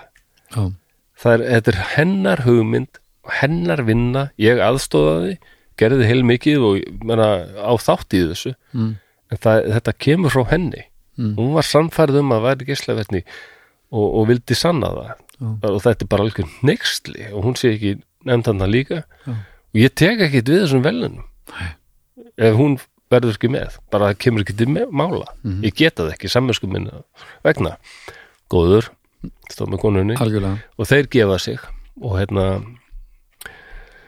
og hún fer með til Stokkólms og hérna þau, þau eru sem sagt þrjú vinna þarna Nóbelsvelunin og það er, það er eitt sko sá sem var að síðan að kynna velunin fyrir hönd Nóbelsnefnd mm. nefndarinnar. Þegar hann nefnir Marie Curie þá finnu, þarf hann endilega að vitna í biblíuna. Eitthvað bull sem er sagt í biblíunu um að Adam, að Guð hafi fattað það að Adam gæti nú ekki verið aðleitn og því væri hefði Guð ákveðið að búa til konuna handa Adam. Flottur. Sem svona st- stuðningur við mannin og svona hjálp sænski tösusnúður og það pældu í þessu. Já, það var, þetta var allt svona, hún þurfti að þóla þetta aftur það er og þetta aftur og allt þetta bara allar þessar aldir í bara Bim, bim, bim, bim, Já. bim, bim, bim. þetta er aftur bara allt sitt líf. Fucking menn að konur er ennþá upplifað þetta í dag. Já, já. ímyndaðu hvernig þau verða á þessu tíma. Ég hefði ekki þólað þetta. Ég hefði ekki getað þetta, ég hef orðið brjálaðir en hún, hún, hún mögnuði þessi kona því hún verðist aldrei hafa mist sig einhvern veginn, sko, henni mislíkað alveg en hún bara, hún Var vissi ekkert- líka að hún væri já best hún vissi Já. akkurat og hún bara, en eðlilega er fó- alveg gjössanlega fokking óþólandi að fá ekki viðurkenningunum sem á skilið þó að það skiptir kannski ekki öllu máli en ef það verið að þröngva viðurkenningunni upp á aðra mm það er alveg óþólandi og hennar leið var aldrei bara hella sér meiri vinnu bara. Það er svo þegar Pér deyr síðan Mm. hann, hann deyr því miður skyndilega bara þreymur árum eftir þetta 1906 já, og þá hennar, það var rosald áfall fyrir hana, hann deyr í slísi hann var mikill pælari Pér sko, og myndir á hann maður sér hann er svona, hann er mjög töff hann pa- passar, hann væri rosalega hipp og cool ég síða Er frakkanum sínum með svona skegg og svona ha, eða svona Hemingway vibe eða? Já, meira svona skólarli, svona lærdómstýpa sko. já, já, já, já, já, já. en svona, svona lærdómshipster sko. Já, með, ekki með þetta svona- skegg og gleru ekki svona, nú er ég á leið til útlanda hipster, meira svona ég ætla að skoða þetta duft já, meira þannig. Og hann hefur verið að hugsa eitthvað rosalega og lappar út á götu í París og hérna, það er hestvagn sem fer á hann og hérna, hann verður fyrir hjólunum og, já, og hjólið fyrir höfuð á honum og já. hann bara deyr. Þessi hestvagnarslis hafi verið helviti skeið. Já, ég held að Stalín þau hafi ekkit verið sér Stalin letti þessu er verið já, var hann ekki alltaf, var ekki Stalin sem var fyrir einhver Ég af þessum Já, það og löppin var aldrei söm ég held að það hefur verið Stalin Það getur verið, sko. Ég man ekki eftir að hýrt það. Þetta var allavega eitthvað Já, við, svona hestvagnarslis, þetta hefur kannski verið verra en maður gerir, gerir sér grein fyrir. maður er ekki að pæla í þessu kannski í dag. En þannig er hún ein með tvær ungar dætur, Irene og, og Ív, eða Ív, ég veit ekki hvernig maður segir þetta á fransku, mm ég reynu. Já, Örugglega. alltaf ekki. Og það sem hún gerir er bara, hún, hún helli sér í vinnu og á endanum fær hún kennslustöðu, prófessorstöðu þarna við Sorbonne, ok, fyrsta konan sem fær kennarar prófessorstöðu þar. búm og það skilar árangri að hún bara hellir sér vinnu því að 1911 þá verður Marie Curie fyrsta konan sem fær Nobelsvelunin tvisvar. Mm en núna fyrir efnafræði. Ég, ef ég man rétt þá held ég hún sé ennþá sko eina kona, eina manneskjan. Nei, hún sagði konan, hún verður Já. fyrsta manneskjan Já. til að fá tvisvar, ég held hún sé ennþann dag, dag sko eina manneskjan sem hefur fengið í tveimur ólíkum. Já, greinum, Já, fyrst En í eðlisfræði og svo etnafræði pældi því? Já, Þarna. þetta er sko. Djöfull er maður með þetta. Ég er svo langt frá því að fá Nobelsvelun í einu flokki Já, sko. það ekki? Alveg hillilega sko. Já, við höfum alveg ég hef aldrei verið að endur skoða þetta. Ég held að við höfum alveg lagt okkar að mörkum. Við erum að gera það núna með því að gera þetta hlaðvar já, og ég, bara músík sem við höfum gert og svona ég, algjörlega og ég veit ekkert ég efast um að hún hafi geta gert þvergrip sko. En, en hins vegar þá finnst mér eh, svona heilt yfir þar sem hún afreka versus þannig sem ég er búin að afreka. Já, ég held að við séum öll saman um það að hún er yfirningin það bara er svoleiðis og ég Sko- meiri sjá og það meiri segja allt, það er alltaf meðbyr með mér. Hvítur kall á miðum aldrei að gera eitthvað sem að öllum finnst skemmtilegt. Já. Og allt á móti henni og hún rústar þessu. Já, hún er alveg svakalega töff manneskja sko. Og þarna verður náttúrulega ofsalega fræg. Bara hún er orðin heimsfræg sko. Og bara vísindamenn fara sem koma til Parísar þeir bara fyrsta sem þeir segja ég vil hitta Marie Curie. Já, já. bara, og bara að því hún er og það er þessi ekki síst sko hérna, þessi geislavirtni því að við fókusurum kannski daldið mikið á kjartorkursprengjuna en það er til fyrirbæri sem heitir geisla meðferð já, heldur betur maður.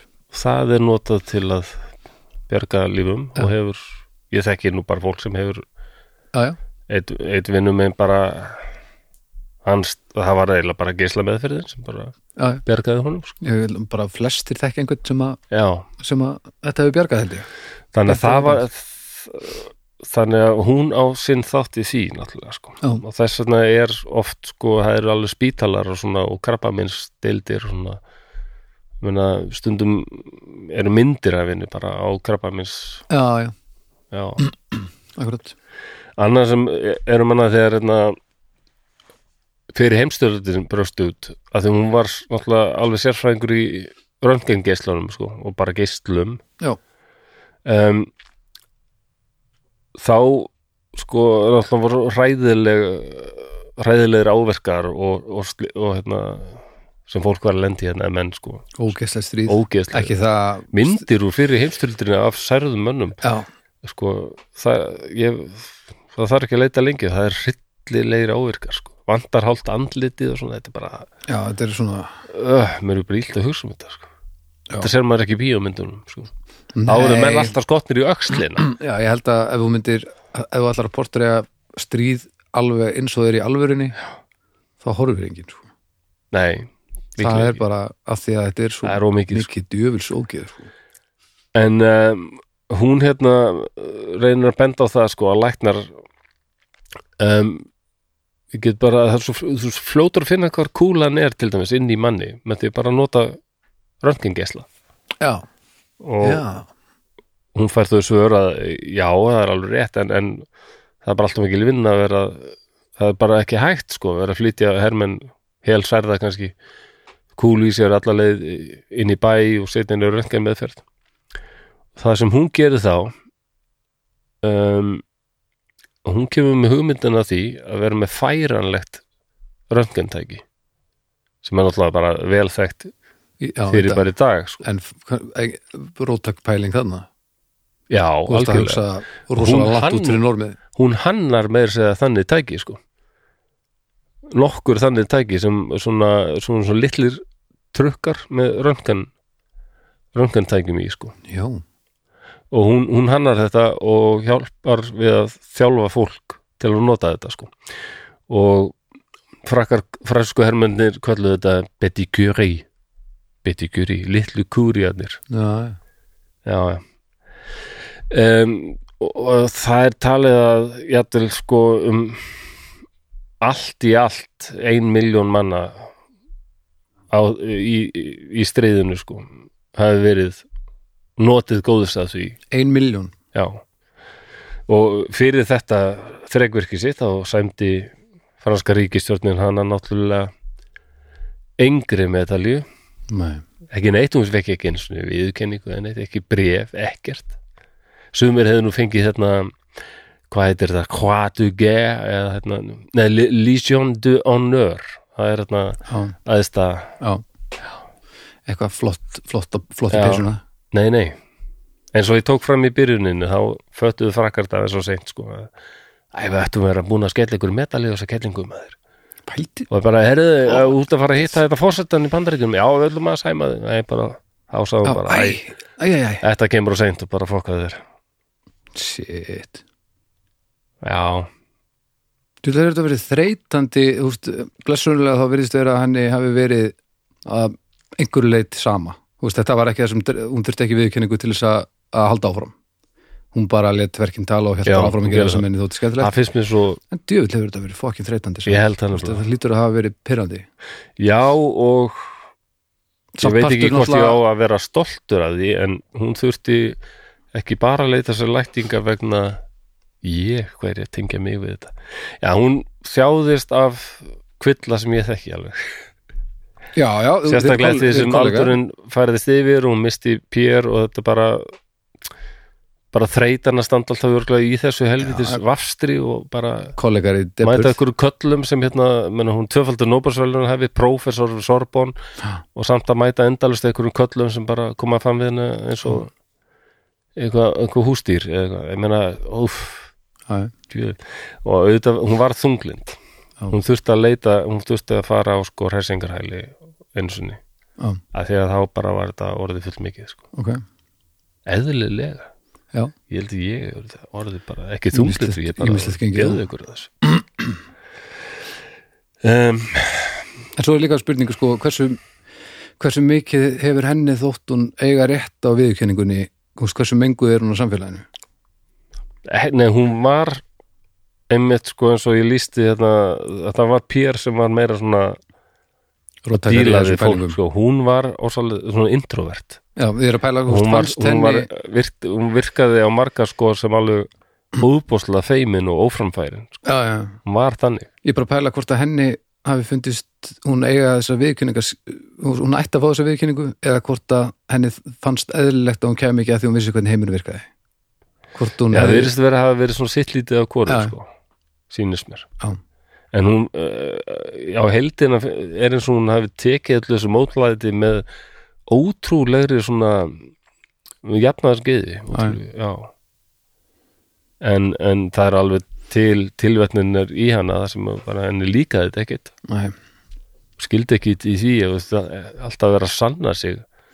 Já, þáttur að þannig, vera já, lungu búin að já, því. þannig að hún var fullkóla meðutum það já, staðan í samfélaginu er þannig þarna að þetta á að vera upp á, þetta er upp á yfirbólinu um, og það var ekki fyrir 1995 þá var hún búin að vera dáin alltaf bara í meir en 60 ár held ég. Já, eða hvað, nei ég er svo lélur starfæði nei, tæplega 60 ára það ekki. Hún deyri 1934 Já. ok, ó þessu er 34, 95 Já, þetta er 64 44, 54, 64, 74, 84 94, 61 ár. Það er 95 já, Já, 95 já, já, þá segir bara François Mitterrand hefur byrju þegar hann er hann í Pantheon sem er na, ég held að sé hús. Það sem er sko helstu hugsuður og hetjur Fraklands eru þar í svona grafhísum já og hann hérna, spyr bara hérna, hvað er Marie Curie? hún er ekki tér og hann bara, hva, ha, hvað okkur ekki? Þau er bara aldrei þau eru ekki hérna, hvorki Marie eða Pierre. Þetta gengur ekki. Og hann ákveður bara þau að vera hérna.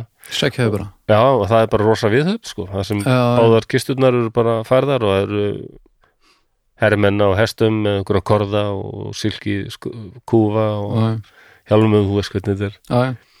En það var passað að hafa það var talið ráðlegast að að glæða hana með þykku blíi sko. Að beinin getur en þá verið já, já.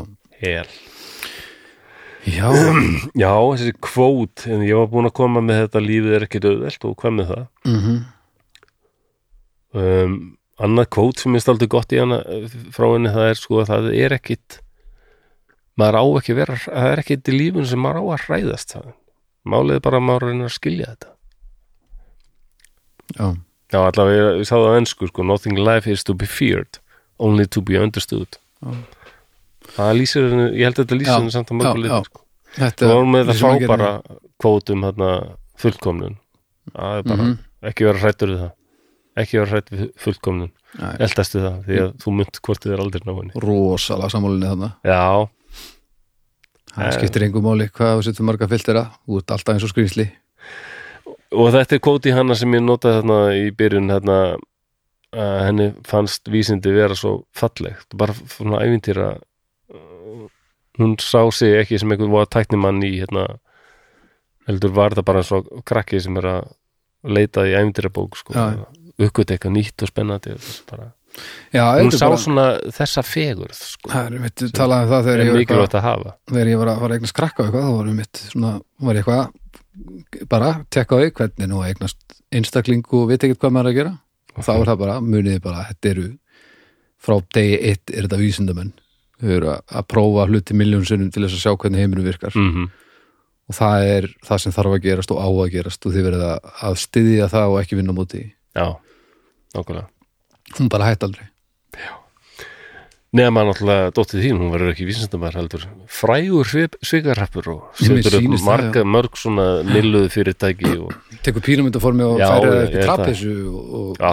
alls konar. Lilja Baldursdóttir en einn kennitalan farin á flakk og sást í Mexico City já, í nanosekundu.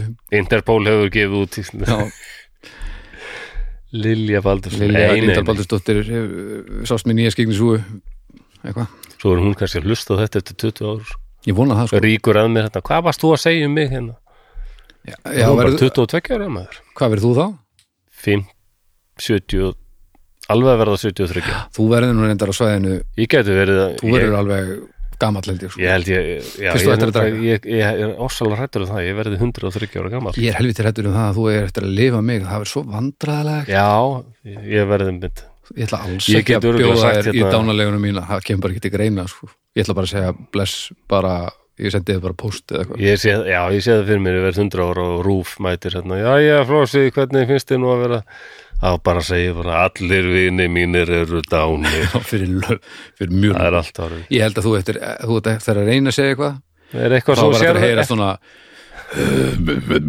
og stringur Ja, kannski nei. haus á einhverjum kolp einhver staðar í, í nágræninu og, og ekkert meir. Ég heldur þú verið Þetta- skemmtilegt gamalmenni? Nei, nei, ég er ekki þessu sko.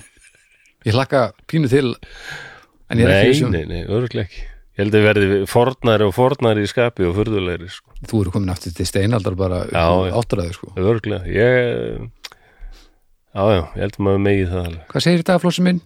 Eldur, Já, já, lemja nei, nei maður veit ekki En Kemur ljós. eitt, eitt kvóti Anna Marí sem ég finnst líka með flott hún sagði það er merkilegt hvað ossalega margir taka eftir Nei, það er merkilegt hvað fáir verðast taka eftir því hvað er búið eh, hverju er búið að áorka en ossalega margir sjá það sem þeim finnst að, já, Já. eiga eftir að gera já, sko. þetta er bútur sko Um, Mér finnst þetta mjög flott sem hún sagði líka einmitt þarna um sko að mannkinni þarf fólk sem leifir sér að dreyma sko. og er ekki bara að hugsa um, um eigin um, sko ágerind og hérna material profit þetta sko. Þetta er svolítið svona að því viðhorf og svona pínu bara hi- hippa stemmari í samt svona, Já. svona raunvísinda með raunvísinda blæ en þetta er einmitt svona oft ef fólk byrjar að tala svona þá verður maður pínu brjálaður. Ég, skulum við Já, segja, ekki að þetta tala er, þetta samt, þetta er allt saman hárrétt. Já, það er svo mikið realismi Já, þetta er einmitt hérna- taka heiminum eins og hann er. Já, ekki vera blásan kannski upp í eitthvað sem hann er ekki og gera hann frábærir ákveða eitthvað sér til sem við vitum ekki að sé til. En ger ekki lítið úr því samt hvað hann er magnaður sko. nei. Já, við hefum átt skap saman ef hann hefði, ef veit hann ég hefði hórt í mér og, og bara þórað að segja eitthvað. Ha, við hefum örgulega átt skap saman ef hann hefði þórað að tala við mig því hún er ekki Já. mikið við fólk og náttúrulega ef ég hefði bara skilið eitthvað sem hann var að tala um af því að hún virðist að hafa haft svo mikið áhuga á því sem hún gerði að ég veit ekki hvort ég átt sens í þetta samtal sko.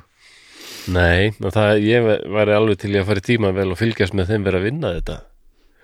Úr fjarlæð Já, en hún var líka, hún lendi í smá skandal sko, eitthvað, meina, mörgum árum eftir að hann var dáinn þá kom upp eitthvað á grunnsendur um það að hún hefði sko verið, verið átt í sambandi við giftan mann sko já, og þá var hún strax máluð sem hérna hjóna djöfull og hérna og hérna það voru meira að sorpblöðun í Fraklandi þá þessum tíma voru að byrta fyrirsagnir sko eitthvað hérna leyndar ástir í laboratóriunu eitthvað. Já, ég meina Hérna, og þetta er nú aldrei Ra- spyrst rauðglóandi já, Ha. rauðglóandi tilfinningar á rannsóknarstofunni já, hér.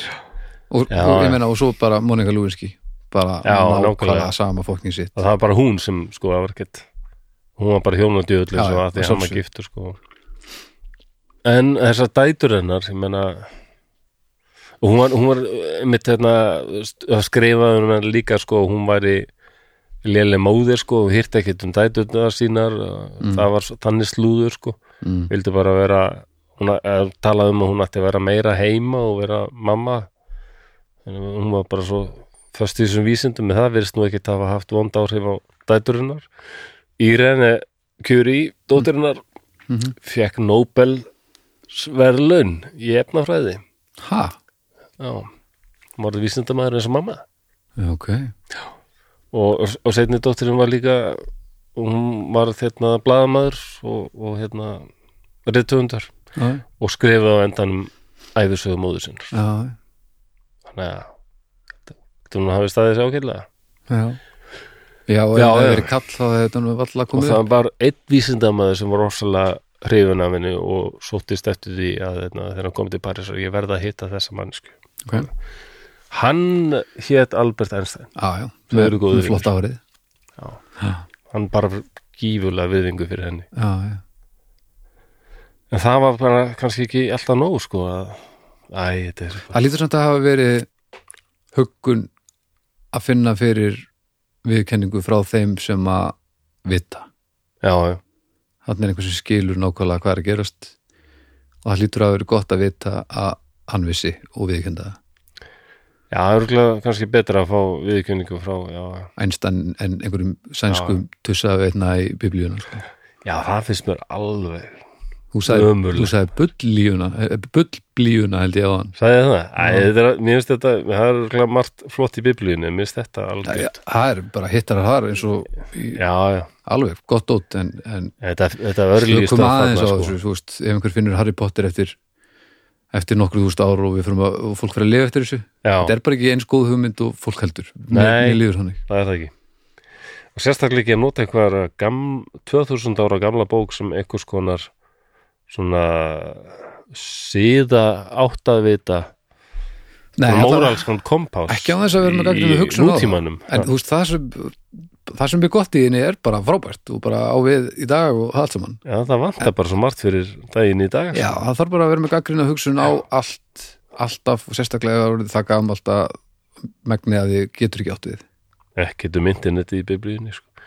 hvernig maður á að koma fram við fólk á, eigum við á samfélagsmiðlum og sko. eigum við að henda kannski bara í allra nýjasta te- testamentið? Já, kemur inn á það- þetta, nei, þá erum við bara drefnir það er Já, vandamál ég, vissulega, en ég meina það er ekkert í heiminum sem maður á að hræðast. Þetta er, þetta er við erum búin að hlusta á hana Mari hérna. Nú búið til Já, allra sprungu nýjasta testamentið mátti Og- ekki taka þetta bóstæðlega sko. hún var Nei, bara- ok.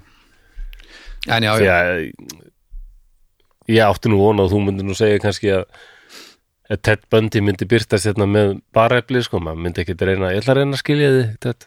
Það er bara hlýja sko. en ég er bara svo mikið með henni í liði og ég skil hvað hún er að segja. Já, já, að það er engin þörf til þess að, að, hérna, að því, hún er með þetta hún, Já, er með þetta. hún var ekki að tala um það. Mögnum, mögnum manneskja, ég hef eiginlega ekki meira um hana. Nei, þetta var ég vona að einhverjum finnist ekki eitthvað að vanta eitthvað mikið. Nei, það er er í rauninni bara bara bara, bara dauðin sko það er þetta að hún er náttúrulega búin að verða fyrir geislun já, í mikill í geislun í lengri tíma. Hvað er hún gömul þú hún deyr? hún er 60 og uh, hvað var hún, 67 ára eitthvað, 63 ára. Já, góðu. Ég man ekki nákvæmlega hvað hún gömul. Kann ekki reikna svo rætt en hún var allavega á 70 aldrei, ég veit það. Já, ok, og hérna, en hún var búin að vera veik sko alveg og var það bara ónæmiskjörnið sem var, var búið að líða já, fyrir? já, það var alveg alveg klárt sko. Og mér skilst að hún krabb- hafa alveg vita það. Engin krabbi Það var- samt jú, það var hvítblæði sko. Það var kvítbæð Já, já. já, ok. Það var bara geisla, blóðið allt Já. geisla virt og já, já, já. já, já. þannig að Pér hefði nú kannski líklega farið sömu leið sko.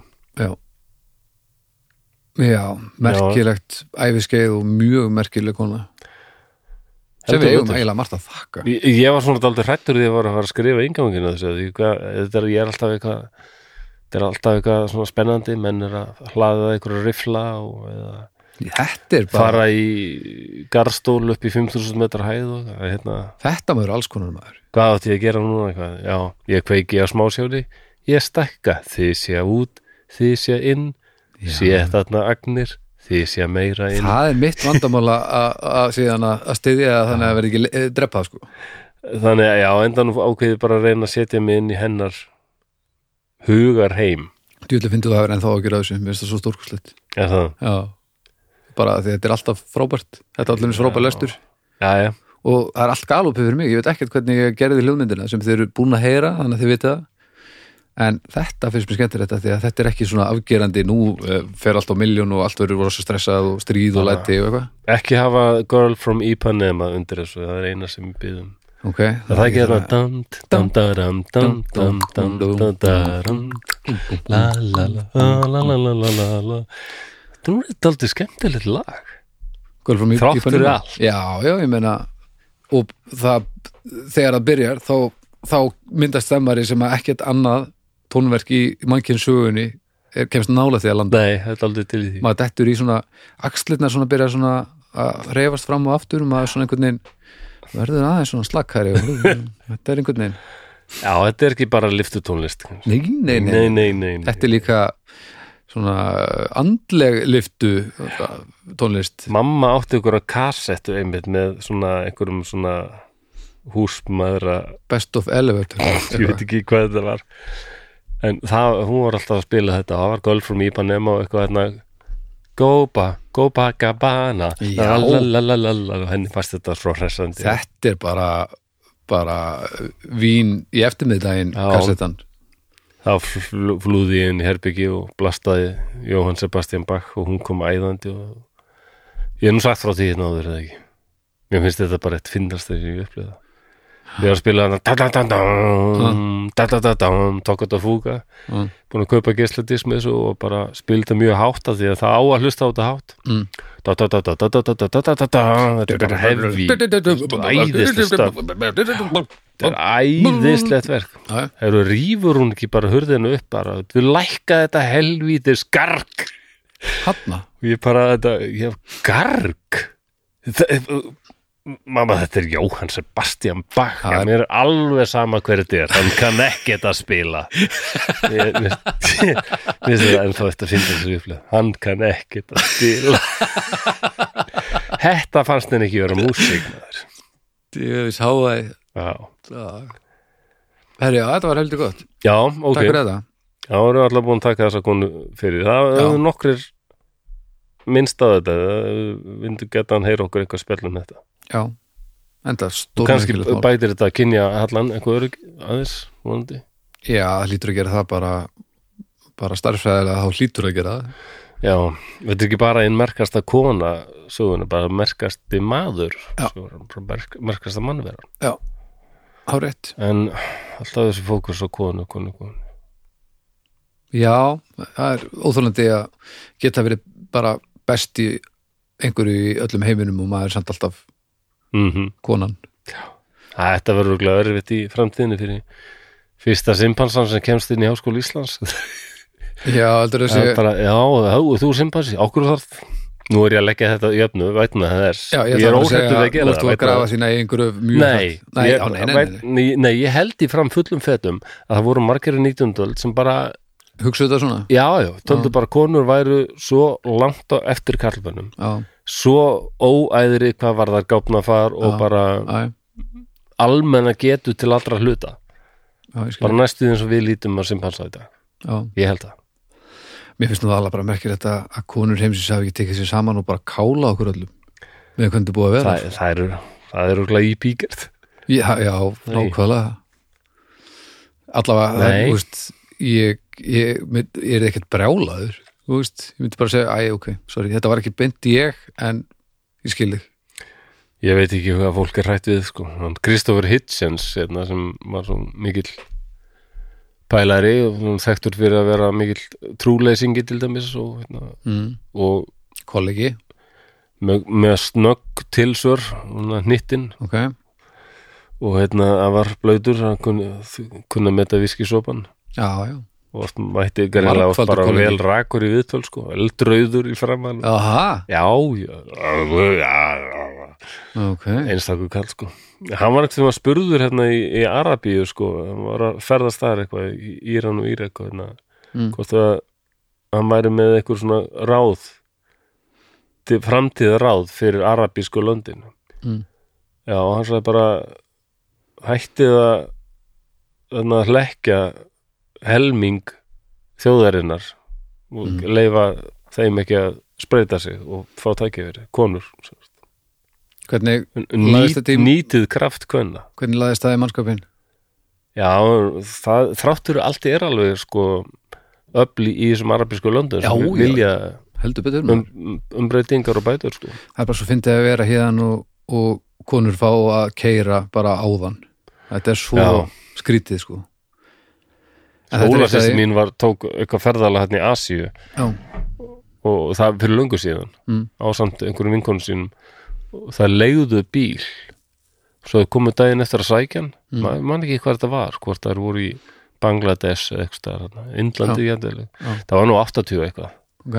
Svo þau komu að sækjan sko þá hérna, var bara múður á markminni þegar þetta hafði spurst út. Nei, þetta var fólk bara mætt þetta verði ég bara að sjá sko já, hvort að þetta, þær getið þetta sko. Kona setjast undir stýri og keiri eitthvað. Vá. Já, já, já, fórist það staðan sem maður er í. Það er stutt síðan að þær fengu leifi til að keira í Saudi já, það var það sem ég var vitnið að náðan sko. Já, og svo einhvern veginn er svo, svo erfitt að að setja sig inn í aðstæðunar að vera það sko. maður veit ekkert hvernig þetta er. Nei maður er meður út frá þessu hérna þá er þetta sára einfalt glórlust en blessunulega já, eru nú einhver öfl að- að að fokka þessu upp að það þannig að það er gott. Já, já þráttur allt held ég við sem sníklast á réttri leið. Já, vonandi maður. Mannkynið er ekki búin að ná fullkomnum bara degi áður en sólin eðulegst og gleipir allt. Örgulega. Já, ég er ekki til að sólinn jörðina fyrir að það er komin simpans undir stýri sko. það er bara þannig. Já. Innilega sammála því. Er Herra, það ok, ég er búinn, ég þakka ekki að vera mig og minnum á hljótkirkjuna og Jú, jú. það er gott að vera bríó. Já, já, já, þökkum Brí og, og Borg enninu sinni fyrir og hlugkirkjan, það er þessi sex stættir við viljum byggja ykkur um að fara hérna inn á þessa helstu staði þar sem við getum gefið review og stjörnur og svona. Og ef þið megið hérna, eigið kannski mínútu tvær, allt upp í fimm, það fyrir eftir metnaði í aflögu þá getið þið farið inn á Apple Podcast eða þessa staði og skrifa eitthvað fallegt um okkur eða skrifa ekki neitt og bara gefið okkur stjörnur og þá fyrir að poppa upp á svona listum og er eftir sínilegar og svona. Yeah. En nummer 1 og 3 er það sem þið eru búin að vera að gera í gegnum tíðin og það er að láta vin ykkar og vandamenn vita af því að það er langsterkast afliði að stekka hlusturhópin Já, og uh, takk fyrir að hafa gert það hinga til og, og ekkert vera að hætta því úr því sem komið er af því að Þetta okkur er þykir óskaplega væntum þetta er hundalegt orð líka vandamenn. Það Vandamenn? verður fólk sem alltaf koma sér í vesen og vandræði. Já, Hann er móðalur vandamaður, alltaf í vanda. Nei, nei. Þá var það bara eitthvað indislegt fjölskyldu fólk nákvæmlega. Já, Þetta já. lítur að þetta er eitthvað annað vand. Já, já, afsækið Herðu, þá er ég orðin heldur góð Já, bara ég líka, takk fyrir mig. Heyrjumst á ykkur Bye